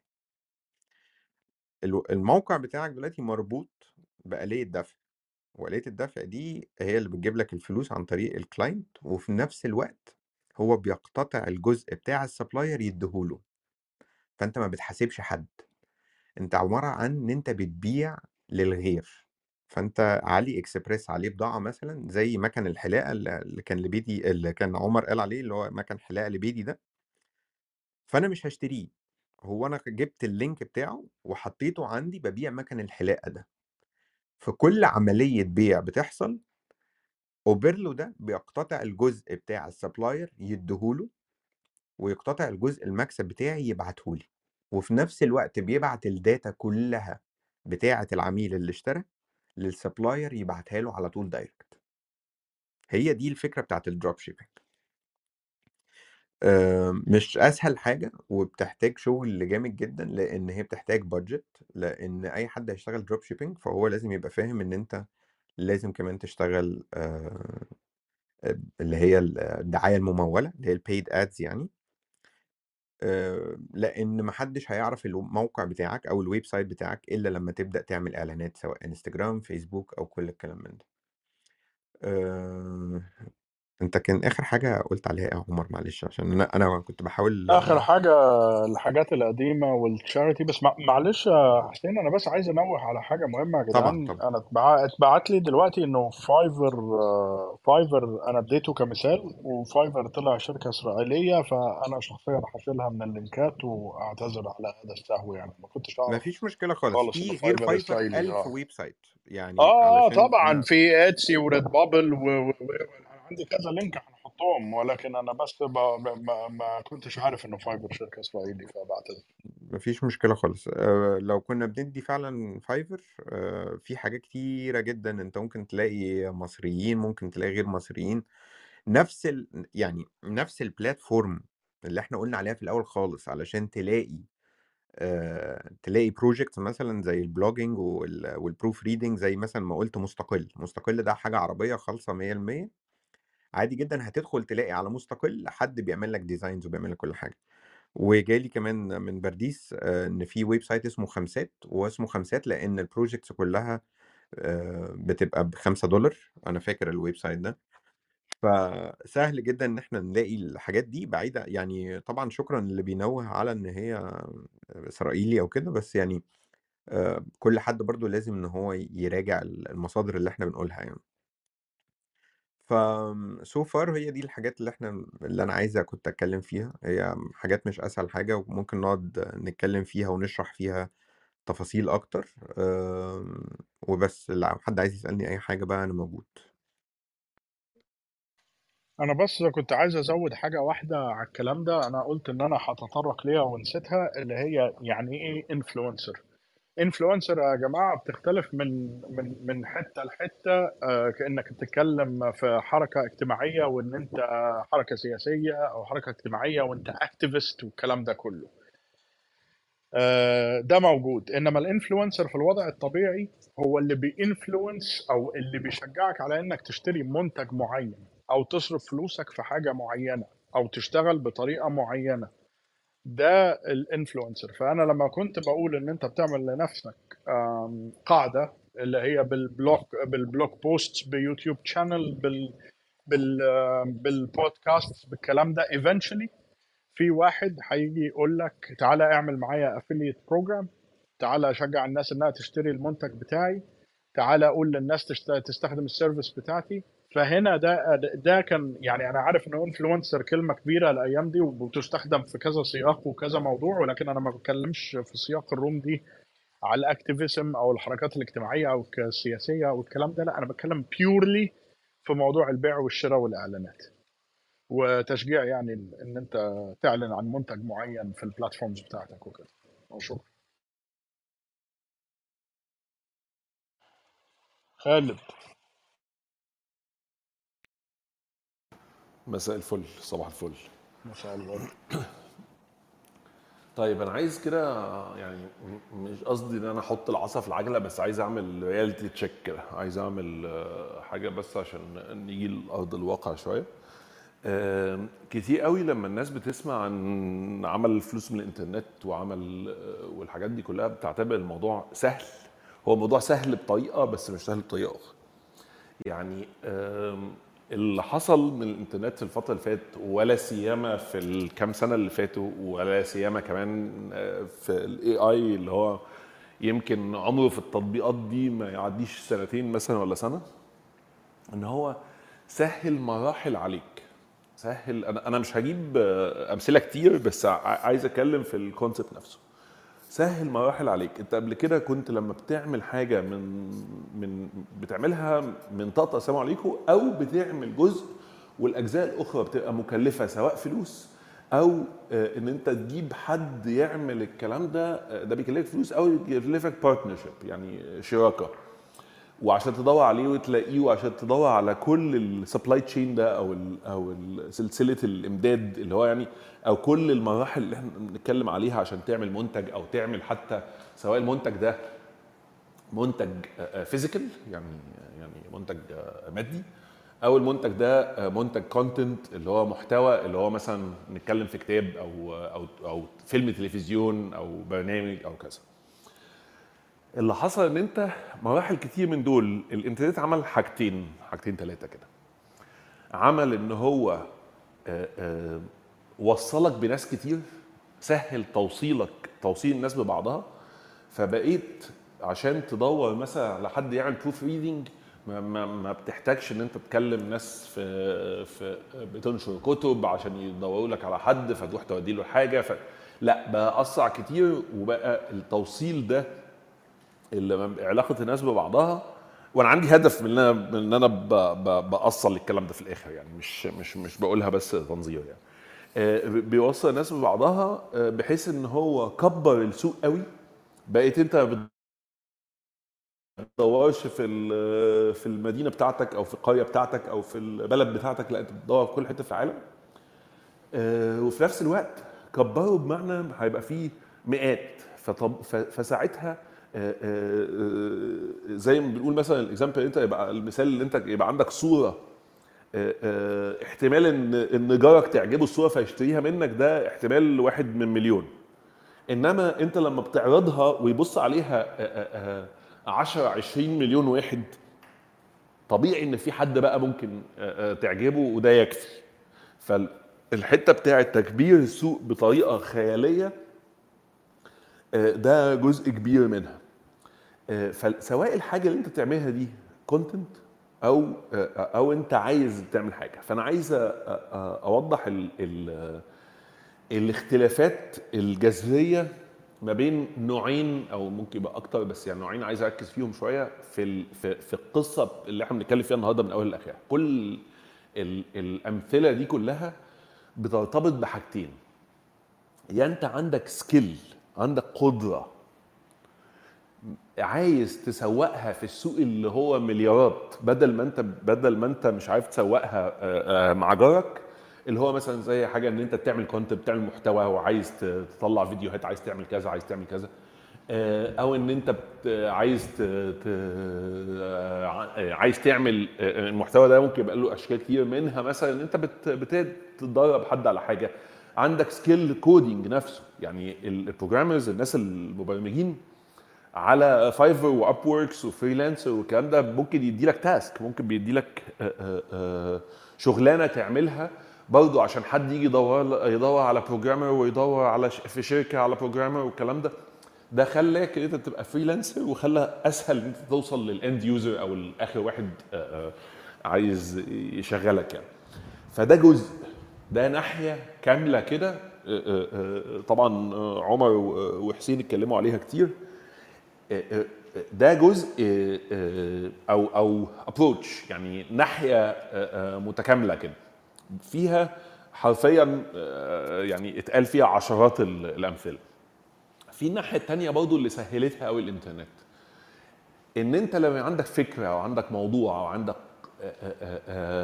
حاجة بقى استراتيجية ما بقتش بقى أنت عندك skill بتاعتك لا أنت عندك حاجة عايز تقدمها بتدور على حد عنده ال skill يعملها. هنا عملت نفس الحكاية بس بالعكس. بقى عندك آه، آه، قدرة إن أنت تجيب من على Fiverr و Upwork وكذا كذا كذا حد يخلص لك الحتة دي. يعمل لك حتى لو حتى لو على فكرة لو عندك مثلا يعني آه، آه، زي ما حسين قال Shopify ده بيتعمل يعني حتى ثلاث ساعات. لو عايزه basic حرفيا نص ساعة يخلص Shopify حرفيا. أنت بس بتحتاج بقى بعد كده تحط ال content تحط يعني اللي هو إيه بقى هبيع إيه هبيع إيه هبيع إيه دي بتاخد وقت. إنما ال- ال website نفسه حرفيا نص ساعة دي يعني إيه تبقى خلصت ال website يعني. آه، آه، فده بس لو عطلت مثلا حتة يعني Shopify برضه لو عملت حاجة معقدة جدا كنت تحتاج coding مش coding بالمعنى ده بس يعني يعني هي في الآخر كود آه، وسهل برضه تعمله سهل ت- ت- ت- تعرفوا تدور عليه. لو ما عرفتش وعطلت ممكن تلاقي حد على Upwork ولا حاجة من الحاجات اللي هي بتدور على skill دي تعرف منها تجيبه ب 5 دولار يخلص لك الليلة في في غالبا بي- بيقول لك في 24 ساعة هو بيعملها مثلا في نص ساعة ولا حاجة بس عشان إيه؟ آه، آه، آه، عشان بتدي له وقت يعني أو ثلاث أيام أو كذا. طيب آه، فال- الح- فالحاجة دي بقى عندك القدرة إن أنت تعمل كده تلاقي الحد اللي عنده skill يحل لك المشاكل الصغيره دي أو اللي انت تبني عليه. فانت انت كده بقيت ال entrepreneur رجل الاعمال ما بقتش الصنايعي. فهو بيوصل الاثنين ببعض فانت كسبت الناحيتين دلوقتي. الميزة كمان اللي بيديها لك كرجل اعمال بقى ان حاجات كتير من الصنايعي دي بقت AI أو بقت كمبيوتر بقت بقت coded يعني. حتى من قبل ال AI بقت حاجة ممكن يطلعها لك من غير ما انت من غير ما يبقى فيه human من غير ما يبقى فيه بني آدم involved فلما انت بتعمل ال ال وكمان رخص لك قوي بسبب السوق وبسبب ال- التكنولوجيا رخص لك ال threshold to entry رخص لك ال ال الاستثمار اللي انت محتاج تعمله. يعني زي ما كنا بنتكلم على التيشيرتات والكلام ده لا هو رخصها لك لأن لأن ال- ال process نفسها بقت آه، ما بقتش محتاج تعمل stock يعني الحاجة التيشيرت بتطبع لما لما لما تت- تتعمل. يعني لما لما تتصن لما تطلب لما تش... لما حد يشتريها ساعتها بتطبع وتوصل له في وقت قليل. فدي بقت آه، آه، سهلت الموضوع برضه عن طريق فانت فانت فكر ان انت حاجة من الاثنين يا انت جاي من تحت يا انت جاي من فوق. في الحالتين انت عندك حاجة ممكن تعملها. يعني حرفيا في ناس فيديوهات بتعمل بتقول لك اللي هو يعني يعني حتة موضوع المزيكا والفيديوهات وكده أو تحطها على يوتيوب آه آه، دي دي حقيقة دي أنت ممكن تعمل ال process كلها من غير ما يبقى عندك أي نوع من أنواع ال skills ولكن لازم نفهم إن ده موجود بالشكل ده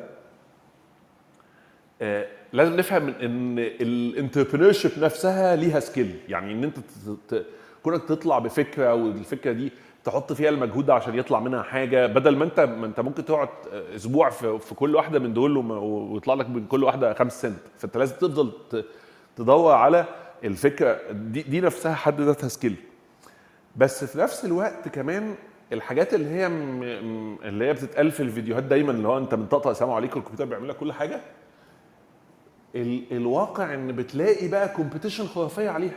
بتلاقي ان ان في يعني ألف فيديو فس... ف... فالنتيجه ممكن تبقى تبقى قليله فانت محتاج برضه تدور على ال gaps تدور على الفراغات اللي موجوده الميزه كمان في الكلام ده حتى خصوصا لو مش مرتبط بلغه لو مش مرتبط بالكلام ده ان هي العالم بقى كله هيبقى هيبقى السوق بتاعك ده ميزه وحتى ال drop shipping صدق أو لا تصدق انت مش بتعمله في مصر انت ممكن تبقى قاعد في مصر في طرق يعني من غير حتى ما يبقى عندك برضه في مشاكل دلوقتي في في الضرايب. كان قبل كده ما فيش مشاكل في الضرايب. بس حتى لو عندك حد مجرد إن هو يمسك الحتة دي من ناحية ال- الضرايب أو الشركة نفسها تبقى يبقى هو بيعمل حاجة زي كده.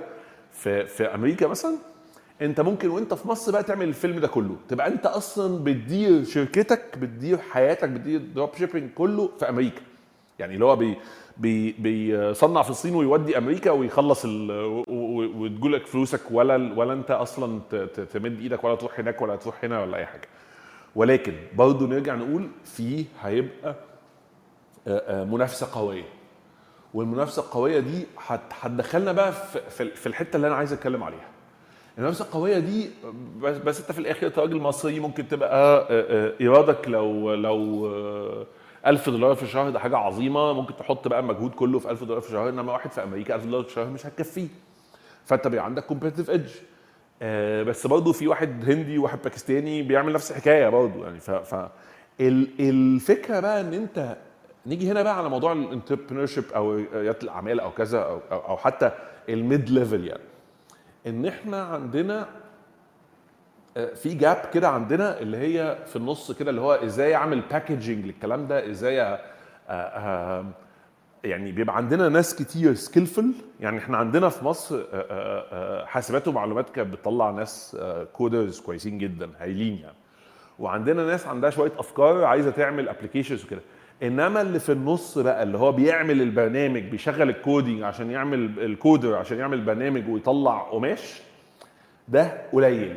فانت أنا أنا كل القصة دي كلها عايز أقول دور على ال value added بتاعتك. دور على انت بتضيف إيه قيمة. انت كبني آدم مش ما بتكلمش من الناحية الأخلاقية ولا الناحية الرومانسية يعني. أنا بتكلم على إيه الفراغ اللي انت شخصيا عندك سكيل معينة أو عندك قدرات معينة آه، تقدر تفلن علشان التخيل إن القصة كلها هتطلع من من من من ال من الإنترنت آه، منها لنفسها كده ده بيحصل على فكرة بس يحصل صدفة أكتر أو مش صدفة يعني قصدي بيحصل باحتمالات قليلة آه، آه، وده بيخلي الناس بتحلم إن هي إيه أنا أنا أعمل بقى شوية حاجات على الإنترنت وأبقى مليونير لا ال ال ال في رايي يعني ممكن برضو تختلفوا معايا. في رايي الأهم من كل ده ان انت تدور على القيمة المضافة بتاعتك. انت إيه فايدتك في في في العجلة دي في عجلة الإنتاج دي؟ سواء القيمة المضافة دي skill أو entrepreneurship يعني حتى فكرة ريادة الأعمال أو أو أو إن أنت تفضل تتابع الموضوع إن أنت تبقى مجرد تدير القصة وتتابع الموضوع مع ده وده وتقدر إن أنت يبقى عندك ال- الرؤية إن أنت ال chain كلها السلسلة كلها ال- القصة كلها تبقى في دماغك وتحط لها جدول وتحط لها تحسب تكاليفها وتظبط وتشوف السوق عامل إزاي كل الكلام ده. ده في حد ذاته skill فأنت آه، اختار دور كده إيه اللي إيه اللي في دماغك إيه اللي إيه اللي أنت تفيد بيه. بص على ال gaps الفراغات اللي في السوق سواء ال- المحلي أو العالمي وشوف إيه الحاجات اللي أنت ممكن ت... ت... تعملها تفيد بيها آه، آه، بإن أنت.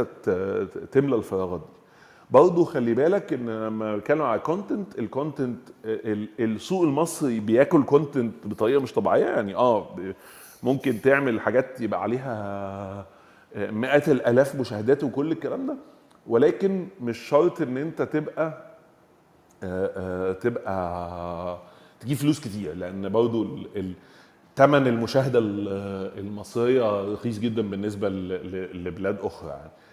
بس في نفس الوقت ال- بفكر لو البلاد الأخرى التانية في competition عالية في منافسة عالية. الحاجة التانية كمان لما لما عمر كان بيتكلم على إن أنت تعمل في platforms للبيع حاجات مستعملة platforms فكر ان ان في برضه حتى أنت عندك website وعندك كل حاجة بيع الحاجات دي بيبقى صعب إن أنت تقول للناس عليه. صعب إن أنت تعمل advertising وال...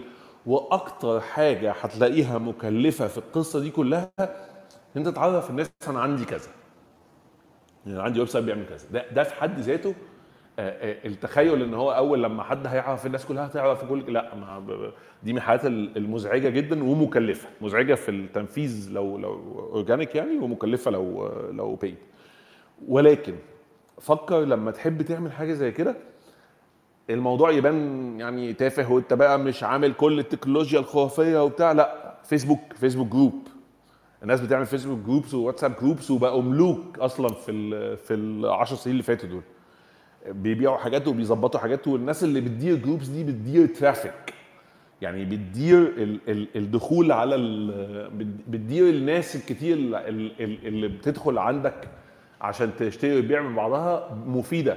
ممكن ما يبقاش عندك monetization ما بتكسبش منها مكسب مباشر. بتكسب مكسب غير مباشر وتقدر تتطوره بعد كده بس ما بتكسبش منها مكسب مباشر. ولكن ده بيديك ال ال القاعدة العريضة بتاعه ال ال السوق بتاعك اللي بعد كده بقى انت ممكن تنقله أسهل على بلاتفورمز ممكن بقى تطلع منها قماش. بدل ما انت تروح تستثمر في بلاتفورم قبل ما تبقى التخيل إن if you build it they will come ده مش دايما بيبقى حقيقي. بدل ما تستثمر في بلاتفورم قبل ما قبل ما يطلع لك منه حاجة قبل ما تعرف إن هو هيطلع منه حاجة قوية لأن الناس يعني بمعنى إن الناس هت... هيعجبها الكلام ده وهتنفذ فيه. وأنا هكتفي بهذا القدر النهارده و... وجود لك ليكم جميعا يعني. شكرا يا خالد. آه... شكرا على الإنسايت الجميل بتاعك. الواحد قاعد وسط راسماليين كتير. حسين وخالد وعمر. أمرك لله. أمرك ثانية واحدة ثانية واحدة ثانية واحدة. أنا آسف أنا آسف معلش. هو حضرتك لما قلت تعالى نعمل فلوس أونلاين كنت متخيل إن إحنا هنعمل إيه؟ آه داخلين نعمل داخلين بالله. نعمل فلوس. يعني كتب كارل ماركس باين. sorry sorry لا مؤاخذة. هو عمر صاحب العنوان ده مش أنا. أنا خالد إحنا ناس بنعمل فلوس الفلوس ما بتعملناش. الفلوس بتعملنا بس يلا مش أزمة. اتفضلي يا أمنية. آه مساء الخير. أنا عندي مساء الخير. عندكم تهيألي صباح الخير؟ صباح الخير أو مساء الخير. أنا عايزة الأول أشكر عمر وحسين أوي أوي أوي أوي لأنه basically أنا كنت قاعدة حاجات كتير أوي ما كنتش أعرفها. و و it's يعني it's very very important بالذات الحتت بتاعة ال AI اللي أنتوا اتكلمتوا فيها. خدت notes. إن شاء الله ناوية implement على طول. ودي النقطة اللي أنا هبتدي منها لأن أنا شخصيا story teller آه، أنا جاية لكم من العالم التاني وبقول لكم إن كل حاجة ممكن تتعمل على الإنترنت. أنا ابتديت من البيت. آه كنت بشتغل لوحدي الأول من البيت. آه لما ابتديت الفكرة ابتديت من على علي بابا وعلي إكسبريس زي ناس كتيرة جدا جدا. وبعد كده لقيت إن دي حاجة مش مش satisfying ومش هتوصلني لأي حاجة وإن أنا نفسي أعمل my own brand. آه خدت طيارة رحت على هونج كونج ابتديت من هناك حضرت معارض كتير ابتديت أدخل في عالم التصوير بتاع ال jewelry ال designs المجوهرات وأنا عمري ما كنت ولا designer ولا حد من عيلتي مثلا كان diamond dealer أو أو gold dealer so I started from scratch actually تحت ال scratch كمان. آه وابتديت من مبلغ أعتقد 500 درهم أو 1000 درهم حاجة كده. آه so basically أنا ابتديت من من من آه، من قليل قوي. ما- معلش أنا درهم اللي هو اتفضل. درهم اللي هو إماراتي؟ آه إماراتي آه. أنا لأن أنا based in دبي. okay في جو أهيد امم so basically اللي أنا عايزة أقوله الحمد لله رب العالمين أنا حاليا ببيع في ست دول و... وال brand بقى مشهور جدا. وكمان آه، خدنا certificate إنه بقى internationally آه، آم، يعني آم، متوفر على مستوى العالم ال brand نفسه. آه، خدنا ال certificate بتاعته من هنا من حكومة دبي. وطبعا جالنا investors إن هما they are willing to invest in the brand وفي ال brand extension. وشغالين حاليا في عروض استحواذ وشغالين حاليا كمان آه، آه، في عروض آه، franchising. So basically الكلام بقى ده كله بيجي بسهولة؟ أكيد لأ. آه، عمر وحسين قالوا مليون فكرة. بس كام واحد هيطبق كام واحد هي start ال start لوحدها محتاجة إنك تبتدي دلوقتي حالا حالا مش بكرة لأنه ال start لوحدها بتاخد مدة طويلة عمال بس ما يتفتح لك الطريق. و once إن أنت معاك المفتاح بتاع الباب خلاص كل ال- اللي جاي ده آه، زي way كده unlocking. بس لازم تبتدي. طب لو أنت مش ناوي تسعى ولو أنت مش ناوي تستمر so خليك زي ما أنت وما تعملش أي حاجة لأنك مش هتعرف تعمل فلوس. حتى لو جبنا الأفكار على طبق من ذهب حتى لو وفرنا لك ال liquidity مش هتعرف تعمل حاجة. So basically at the end it's mindset. إيه اللي موجود في العقول؟ هو اللي لازم يتغير مش طريقة إن إحنا نروح نجيب الفلوس إزاي. الناس حاليا بتجيب الفلوس بمنتهى السهولة. أنا مش بتكلم على ال process نفسها إنها سهلة مفيش حاجة سهلة. بس I mean it's easier than before. أنا علشان كنت أبتدي brand واتشهر وأبيع في ست دول لو من خمسين سنة كنت هحتاج خمسين سنة مثلا آه، علشان أعرف أوصل. زي شانيل وجوتشي وزي وزي وزي. Right now it's very easy. In one year two year three year you can build build your own legacy. أنت ممكن تبني إمبراطورية حاليًا في سنتين 3 ممكن تتشهر في 3، 4، 5 سنين وتبقى يعني ليك بصمة بتاعتك مهمة جدًا.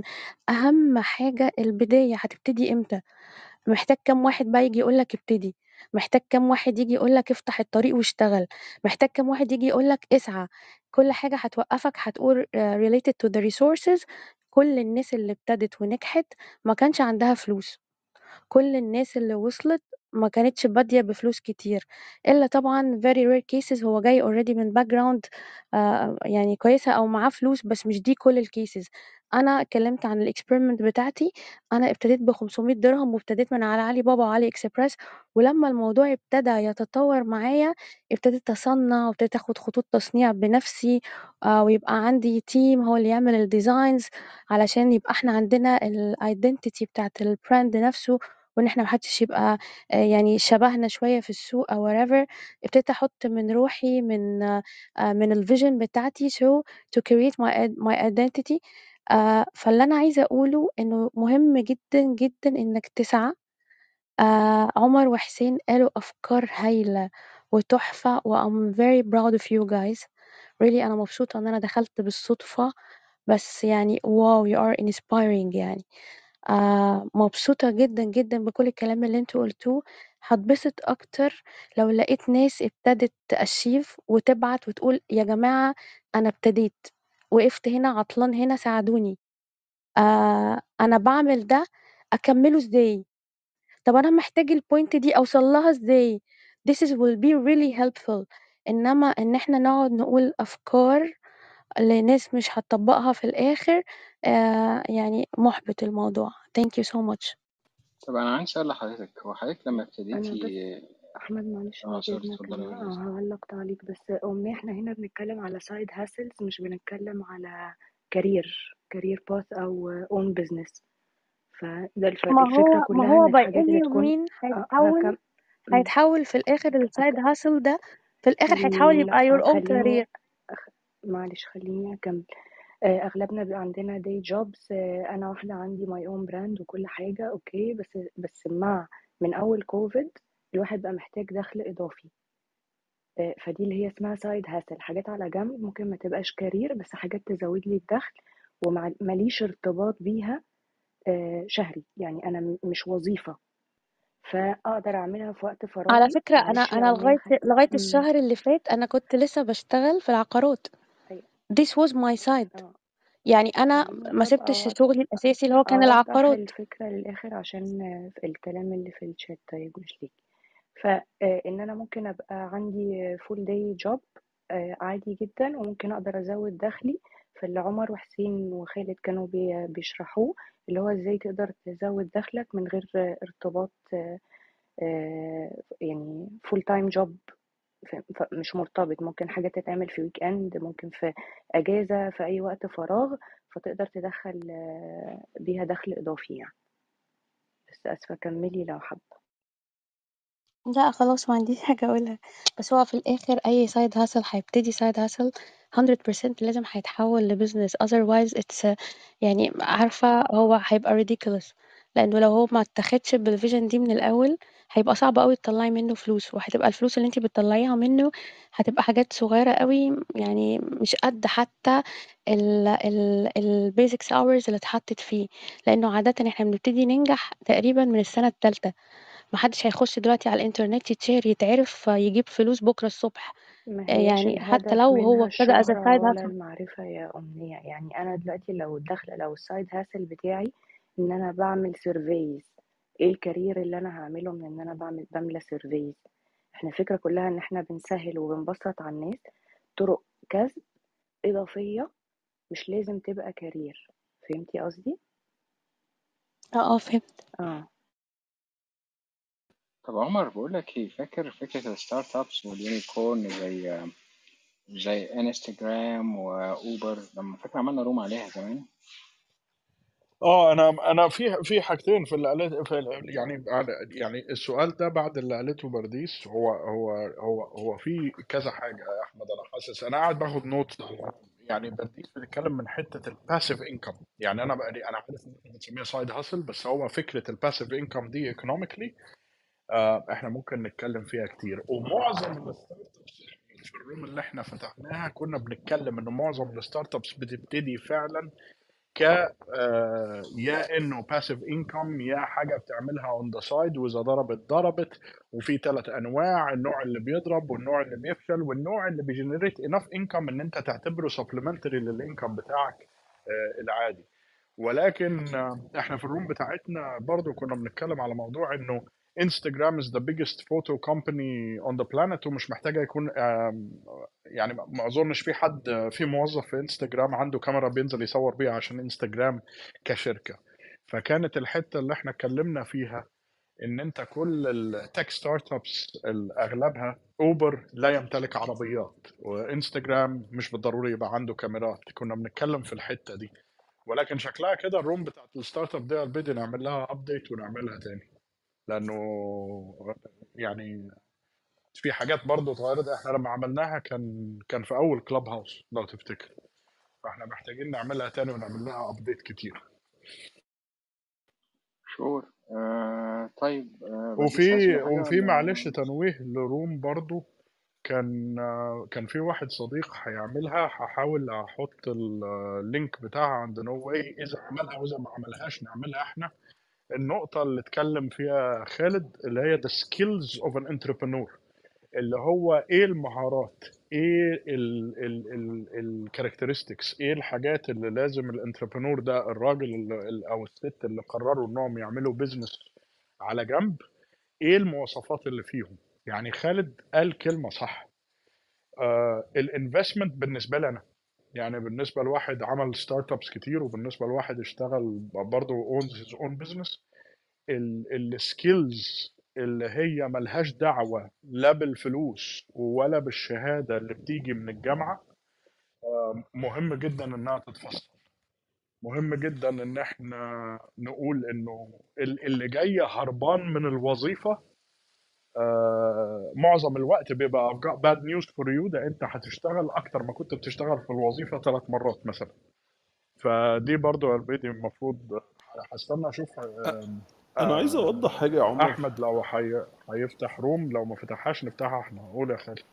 عايز أوضح حاجة عشان هي دي اللي أنا كنت بحاول كنت بخاف من الأحلام اللي بتيجي في الحتة دي. آه، ما بقولش ان الأحلام دي مش مش صح إن الناس تحلم بالكلام ده ومش بقولش إن دي مش واقعية وكل الكلام ده. بس اللي أنا بحاول أوضحه إن ال skills إن أنت تعمل حاجة صنايعية إن أنت أنت بت... أنت عارف أنت بتعرف تعمل coding ولا لأ. عارف أنت بتعرف تكتب ولا لأ. عارف أنت بتع... عارف أنت بتعرف ت... ت... ت... يعني هتعرف تعمل كرسي ولا لأ. صنايعي. كويس؟ إنما كل الناس متهيأ لها إن هي مفيش skills في موضوع ال entrepreneur دي. هي بس إيه كل الناس متهيأ لها اللي هو أنا لو لو أعمل كده سهل أحط ده أعرف ده على ده وأجيب ده من ده وأبيع وهوب طق طق طق بتاعت بتاعت. ما كانش حد غلط فهي اللي أنا بخاف ما هي دي النقطة هي دي النقطة يا عمر. يعني specially انت عارف خصوصا الإخوة اليساريين فاكرين إن هو مجرد بس الواحد يبقى معاه فلوس بقى رجل أعمال ومش محتاجة skills ولا حاجة. فالناس بتبقى متهيألها اللي أنا بخاف منه إن الناس يبقى عندها الحتة دي متخيلة إن مفيش skills هي مش قادرة to recognize ال skills اللي محتاجها علشان تبقى رجل أعمال. مش قادرة مش قادرة تفهم إن دي محتاجة skills فبترمي نفسها في حاجات هي مش آه، مش فاهمة إن إن الموضوع مش مش بالبساطة دي يعني. ف thank you إن أنت هتعمل room دي أو صديقك هيعمل room لو ما عملهاش هتعملها يعني عشان أعتقد ال room دي مهمة في إن الناس تفهم وكمان to recognize نفسها لو هي لقت إن هي فعلا عندها الموضوع ده. دي حاجة كويسة يعني آه، دي حاجة جميلة يعني. ممكن ما يبقاش واخد باله إن هو وإن إحنا. نفرق برضه يا خالد. إن إحنا نفرق بين اللي داخل يعمل entrepreneurship زي أمنية أو زي برديس وبين واحد literally بيدور على طريقة تانية to supplement ال income إن أنا عايز بس بالظبط. شوية income زيادة جنب الشغل فدي برضه هنفرق فيها وتبقى بطريقة واضحة black and white يعني. بالظبط. طيب اتفضلي. يا برديس عايز تقولي حاجة ولا نروح آه آه أنا طلعت كنت عايزة أقول حاجة بس إحنا النهارده بنتكلم على ال... لما بنتكلم على side hustles والنهاردة بنتكلم في 2023 فنصيحة كده please don't go لل products أنا عارفة إن إحنا اتكلمنا وشرحنا على ال drop shipping بس أنا المفروض إن أنا داخلة أعمل side hustle أنا مش داخلة أعمل investment أنا عشان أعمل website آه، بيبقى فيه fees كده للو- لل website آه، نفسها. تدفع هي تعتبر مصاريفها قليلة جدا بس مثلا لو أنا النهاردة في مصر وبفرق سعر آه، عملة الدولار آه، فتعتبر غالية جدا عليا. plus إن 2023 عندنا لحد تقريبا أواخر 2024 مش عارفين لسه المؤشرات هتروح لفين. ال services هي اللي أفيد. فلو أنا داخلة إن أنا أدور على آه، دخل إضافي آه، فلازم أ follow ال trend فال trend دلوقتي اقتصاديا إن ال services هي اللي هتبيع مش المنتجات. فأحاول إن طالما هشتغل side hustle ما أصرفش عليه. الهدف كله إن أنا ما أصرفش عليه. أنا أدور على إيه اللي قوي اللي فيا وأروح له. فأنا يعني بس بنصح حتة ال product وال product كده كده مش trending دلوقتي غير إذا كنت ببيع بقى لبن وجبنة حاجات أساسيات الواحد بيشتريها كل يوم. وده كده business ده مش side يعني مش هقدر أعملها دي drop shipping أم، أبص على ال services حتى قلنا لو بأبسط حاجة إن أنا أملى service ال service دي ما بتحتاجش أي talent تقريبا. عندي طبعا لحد ال- الترجمة وال وال copy rights وكل الحاجات اللي عمر وحسين وخالد قالوها. أه، بس فأنا عشان كانت الناس بتتكلم شوية على ال drop shipping فواجب عليا إن أنا أنصح يعني بلاش دلوقتي خالص drop shipping يعني لو حد حابب الفكرة يأجلها سنة أو سنتين وكده كده يعني لو بقى في ناس كتيرة جدا بتعمل drop shipping فده مش حاجة عيب يعني زحمة السوق مش عيب هي بس هيحتاج مني marketing زيادة شوية فمفيش أي داعي إن أنا أستعجل دلوقتي وأصرف عليه فلوس يعني. بس. اتفضلي يا البيت طب اتفضلي يا هندون هندون أو هندون. هند هند بس ممكن هند آه، السلام عليكم. آه، هو أنا كنت بس عايزة أتكلم على موضوع ال... طبعا شكرا على الإضافات والمعلومات اللي جبتوها كلها. ما شاء الله يعني كثير حاجات استفدنا فيها. آه، خاصة حكاية لفتت نظري بتاعت الصور إنه ممكن واحد يحطها وبعدين وقت ما يجيب آه، أي دخل يعني بتكون مش ما بتابعهاش أنا باستمرار. آه، بغير زي مثلا الأشياء المستعملة بيع الأشياء المستعملة مثلا هنا هو ثقافة عندنا في ماليزيا يعني مش مش حاجة عيب أو غلط. يعني بغض النظر عن بعض الدول يعني بس هي مشكلتها لما بتكون أونلاين شوية عايزة طولة بال لأنه الأسئلة بتكون كثيرة وفي متابعة وفي نصب وكذا فهي شوية موترة. لكن بالنسبة للشغل اللي هو تدريس اللغة العربية مثلا أونلاين يعني الواحد بس بحكم انفتاح الإنترنت و... وإن إحنا يعني داخلين من بلد لبلد بيكون استهدافها في الدول اللي هي الإسلامية اللي اللي ما فيهاش ال- العرب نفسهم زي تركيا زي تايلاند آه، ماليزيا إندونيسيا الدول اللي زي كذا بيطلبوا إنه عشان يقووا اللغة العربية. يعني بغض النظر عن البداية في كمان ناس بتطلب من البداية من الصفر وفي ناس بس عايزة تتكلم وعايزة آه، إنها تعمل بس محادثة بسيطة. ممكن تاخد ساعة أو ساعتين في في الأسبوع أو في الأسبوعين. آه، كل ما زاد عدد الناس اللي بتعمل معك محادثة كل ما زاد الطلب عليك والمطلوب بيكون بس إنك بتعمل فيديو خاص بيك وإنت بتدرس سواء بالصورة أو بالكتابة أو فيديو. آه، يعني مش شرط إنه يكون تدريس professional وإنك بس يا ريت تحط تنبهي ان الموضوع مش سهل لأن هو الناس بيفتكروا إن هو هدردش ساعة مع حد فالموضوع سهل الموضوع مش مش مش سهل كده. هي يعني مش لأن في حد كان سهلة كاتب في الشات من شوية إن هو الموضوع بسيط ده أنا في واحد هقعد أتكلم معاه ساعه وهيديني فلوس. فهو الموضوع محتاج محتاج صبر ومحتاج إن أنت تبقى فاهم إنك بتتعامل مع حد عايزك تظبط له مخارج الألفاظ أصلا. يعني تفهمه هو بيقول إيه أساسا. أنا آسف هي معلش. لا لا مش مشكلة. هي هو فعلا إنه بيكون فيها صبر بس هو كل ما الواحد يعني الواحد ما بيكونش بيدخل على طول إنه آه، مبالغ كبيرة. يعني هي بتكون مثلا 2 دولار 3 دولار للساعة كاملة. وأنت بتحط هي بس ميزتها إنها في مرونة. يعني أنت اللي بتختار الوقت اللي بيناسبك بس طبعا بتكون مستني لحد ما حد يعني يفكر إنه يعمل معاك آه، مقا- مقابلة أو يطلب إنه أنا عايز المدرس الفلاني ويحددك بس هي الحلوة إنه في مواقع هي اللي بتتابع لك هذا الأمر. أنت بس بتحط الفيديو بتاعك وبتحط معلوماتك وبتستنى. في كمان إنه مثلا أنا اشتغلت كذا مع جمعية بس هي المشكلة إنها قفلت. لما كان وقت كوفيد آه، طبعا استغنوا عن موظفين كثير من المدارس وكذا فاضطرينا إن إحنا نشتغل من البيت يعني. آه، وكانت فترة كوفيد في ماليزيا جدا مكفولة يعني زي الصين. فكان في جمعيات اللي هي بتعمل هي بتكون متخ... بس كذا عشان ننشر لغة القرآن. آه، فطلبوا ناس تكون بس تعرف لغة عربية يعني تكون هي ناطقة باللغة العربية. والراتب طبعا كان بسيط جدا. بس أنا قبلت لأنه بس أدخل أدخل في المجال هذا عشان يكون على الأقل اسمي معروف شوية. إنه بس حتى ولو نسبيا يعني. فكان مثلا الطلاب من تايلاند في جامعة إسلامية وهم أصلا بيدرسوا مجانا يعني هي الجمعية اللي عاملة الدفع.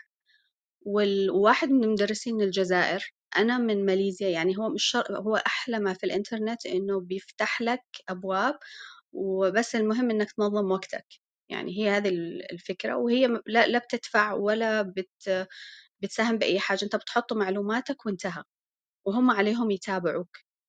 بس إنه فعلا يعني عايزة طولة بال وعايزة كمان إنه لازم يكون إنه مخارج الحروف تكون صح لأنه بتكون مسؤولية إنه هو بيتحمل الأكسنت تبعك وبيتحمل آه، طريقتك وهم على طول بيعملوا نسخ لصق. يعني ما فيش عندهم إنه حيفكر في طريقة أو حيسمع من حد ثاني. خلاص أنت وجهة ثقته. القرآن نفس الشيء بالنسبة للتجويد انفتح بشكل غير طبيعي في هذه الدول الإسلامية والطلب عليه كبير جدا إنه بس تعلمني البداية علمني أنا كيف بس مخارج الحروف ولو حتى نسبيا لأنه مثلا زي حرف الخاء حرف العين ده مش موجود نهائيا عندهم. فبس إنه أبدأ ابدأ معايا الطريق والباقي عليا.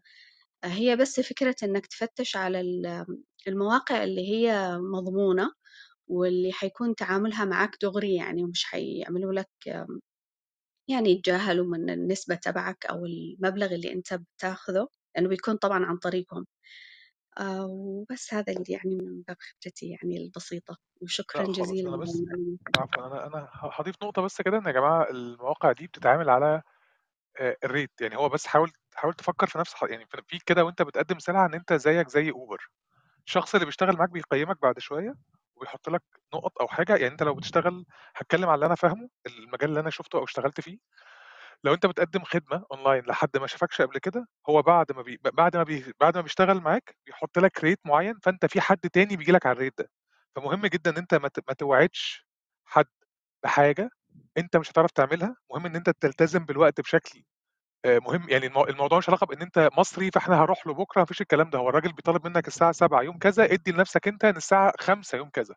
الكلام ده في الحاجات اللي أنت بتسلمها. يعني أنت مثلا ممكن تسلم أبحاث في ناس بتشتغل على في ناس بتقرأ كتب كتيرة جدا جدا ففي حد بيبقى بيعمل حاجة documentary أو حاجة مثلا محتاج فيها شغل معين أو حاجة فيها محتاج إن هو عايز رؤوس أقلام فبيخش على موقع زي Storyhunter. Storyhunter أو على المواقع اللي اتقالت هنا إحنا هننوع هننزل إن شاء الله بعد ال room بس هنحاول نجمع اللينكات كلها ونشرحها. آه كل link بيعمل إيه أنت ممكن تخش عليه تعمل عليه اشتراك إزاي أو تعمل ده. لو أنت ما عندكش إنجليزي في مواقع بتقدم لك الخدمة دي ببلاش أنت ممكن تتعلم لغة إنجليزية وممكن تعمل نفس الموضوع ممكن تبدل مع حد تعلمه أنت عربي وهو يعلمك إنجليزي. يعني في مواقع بتعمل ده. ممكن تستغل الوقت ده في إن أنت تقدر تتوسع شوية وتذاكر. لو ذاكرت شوية وبقى عندك شوية وقت آه، ممكن تقدم خدمات.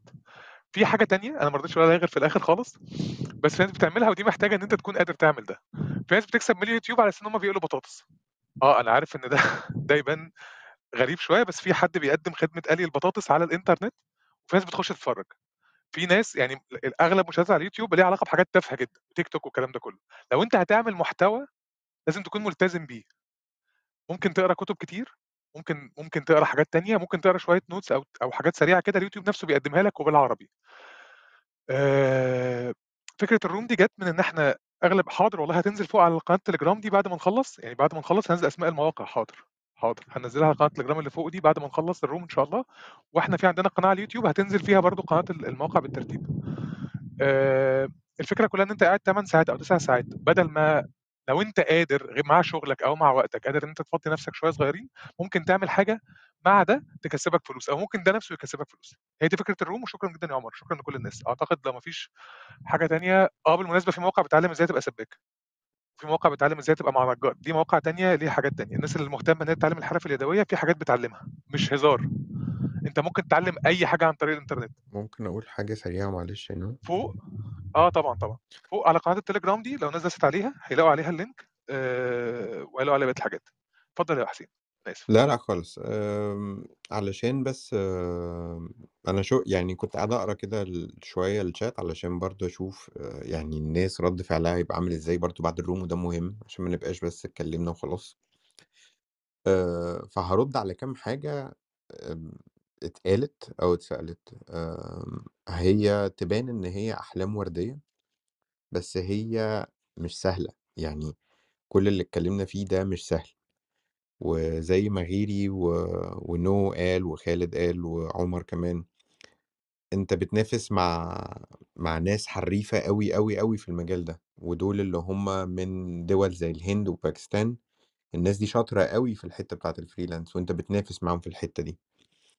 آآ، الموضوع مش سهل، بس في نفس الوقت هو مش مستحيل، يعني عادي ممكن تبدأ إن أنت تلاقي مثلًا زي ما في ناس وتبدأ زي قالت ما هي برضه قالت زي ما قالت البنوتة من شوية أنت أستاذة أنا آسف من شوية، أنت ممكن تبدأ ببلاش في الأول عشان تعرف الطريقة، يعني ممكن تبدأ في الأول إنك تخش كده اللي هو هاخد رقم قليل عشان أفهم بيتعمل إزاي يعني. النو هاو ده بفلوس، أنا آسف يا حسين، بس لا، لا، المهم لأ إنك خالص، تعرف بالعكس ده اللي. أنا كنت هاقوله بالضبط، إن هو أنت تبدأ النهارده بأقل rate ممكن تبدأ بيه، ما تدخلش تبُص على الناس اللي بتعمل 100 و200 و300 النهارده، ابدأ بأقل rate. عامل زي بالضبط اللي بيتعلم جري، ما بيجريش الكيلو بالpace بتاع ال6 وال7 وال8 لأ، أنت هتنزل كل شوية هتلاقي نفسك أنت هتوصل للمرحلة دي، فهو مش مش أسهل حاجة، محتاج محتاج شغل، محتاج استمرارية، وفي نفس الوقت اللي بيدوّر دايمًا على حاجة بإذن الله هيوصل لها، آآ، وزي ما No Way قال آآ، أنا من مثلًا من ال من الchannels ال اللي باشوفها عظيمة جدًا، جدًا، جدًا، في channel فتحت على اليوتيوب لطفل مش لطفل هو راجل كان اتولد بدون أب، وهو قرر إن هو لمّا يكبر يعمل آآ، آآ، قناة على اليوتيوب يعلّم الحاجات الbasics اللي الأشخاص اللي بدون أبهات هيبقوا محتاجين يتعلموها، زي حاجات زي الميكانيكا مثلًا، إزاي يحلق دقنه، إزاي مش عارف إيه، كل حاجات بسيطة جدًا وتافهة جدًا، ال القناة دي على اليوتيوب تقريبًا وصل إن هو عليها عنده مثلًا بتاع 18.000.000 مشترك، فاللي حابب برضه يفتح يوتيوب مش في أفكار سهلة وفي أفكار بسيطة زي ما اتكلمنا، وشكرًا جدًا على ال ال invitation يا نو النهارده، thank you so much. لا يا حبيبي، أنا أنا شكرًا جدًا ليك طب اتفضلي. عفوًا، آآ، هو بس كمان في نقطة يعني أنتم قلتوا إنه لازم إنه يكون الواحد متعلم لغة لغة إنجليزي عشان يبدأ، لأ، أنا قُلت آآ، هو لو بس اتعلم عشان يكون م الم المبلغ اللي هياخده هيكون أفضل. هيتضاعف، هيتضاعف، يعني أنا أعرف ناس بيتكلموا عربي كويس وبيعلموا عربي كويس وشطار جدًا، المشكلة ما بيعرفوش يتكلموا إنجليزي، لو بيتكلموا صح. في في تعليم اللغة بجد هيكسبوا بيكسبوا دهب، حرفيًا دهب، لو قدر إن هو يعرف يتكلم ويدرس بالإنجليزي.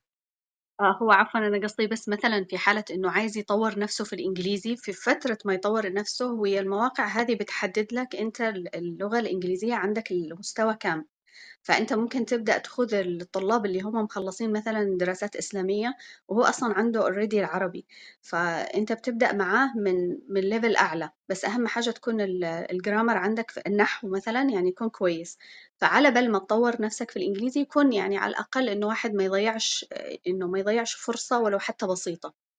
وفي نفس الوقت هذا بيعمل ثقة للباقيين إنه لما يشوفوا إنه طبعًا أهم الأشياء هنا أهم حاجة الreview اللي بيحصل على ال اللي عمل درس. في وقته، آآ، طريقة كلامه، صبره، التعامل الراقي، ال التحمل، هذه يعني هي الأساس، لو ما فيش لو حتى بتنقص هي بتكون التقييم 5 أو 4 نجوم، لو حتى بس كده طرف من النجمة مش مش كامل، ده بيقلل فرصة ال الالتحاق أو الناس إنها تحاول معاه جدًا، فيعني هي فكرة الالتزام وال والمحاولة أكثر، والصبر أكثر من الخبرة في هذا ال المجال، وإن شاء الله ربنا يوفقنا ويوفق الجميع. طيب أخيرًا بس عشان خاطر كان في حد كتب LinkedIn في حاجتين كده نصايح يعني بشكل واضح، يا جماعة الخير ما ينفعش تقدم على وظيفة في عالم معين كده وأنت ما عندكش CV، لو ما بتعرفش تعمل CV ممكن جدًا تدوّر على مواقع الإنترنت وبتعمله لك. LinkedIn مهم جدًا لو أنت هتتوظف و وطريقة كتابة الCV أعتقد في رومات هنا اتفتحت وفي حاجات اتفتحت كتيرة جدًا، جدًا، ممكن الناس تعرف تكتب خبراتها بس في ورقة paper كده ليها علاقة بحاجات معينة، أنا مش أحسن حد بيكتب CV ومش أشطر حد بيعمل ده، بس في ناس بتعرف تعمل ده وفي مواقع بتعمل ده، بس ده حاجة تانية، إحنا كنا بنتكلم إزاي ممكن تكسب وقت عن طريق الإنترنت، وزي ما قُلت ما فيش يعني على موضوع صناعة المحتوى ده يعني هي كلمة أخيرة يعني و... ويمكن الناس ما تاخدش بالها منها. مفيش حاجة اسمها دعاية سيئة. في حاجة اسمها دعاية. في شخص اسمه الخليل كوميدي هذا الشخص كان أغلب الناس اللي بيعملوا دعاية وبيدخلوا فلوس مش طايقينه. الجزء بتاع إن الناس بتتكلم بس الناس بتتكلم هي دي الدعاية. بيتكلموا كويس أو وحش دي حاجة تانية خالص. لو بتصنع محتوى عايز تشتغل على صناعة المحتوى على اليوتيوب ما تتضايقش إن في حد شايفك غبي ودخل قال لك إنك غبي أو أنت غلس أو الخ الخ الخ هو كونه دخل وبيخش كل فترة هو بيزود لك ترافيك. الموضوع بس محتاج إنك تفتح دماغك شوية. تفهم الموضوع بشكل أوسع. مفيش حاجة اسمها دعاية سيئة. في حاجة اسمها دعاية. سيئة دي حاجة تانية خالص.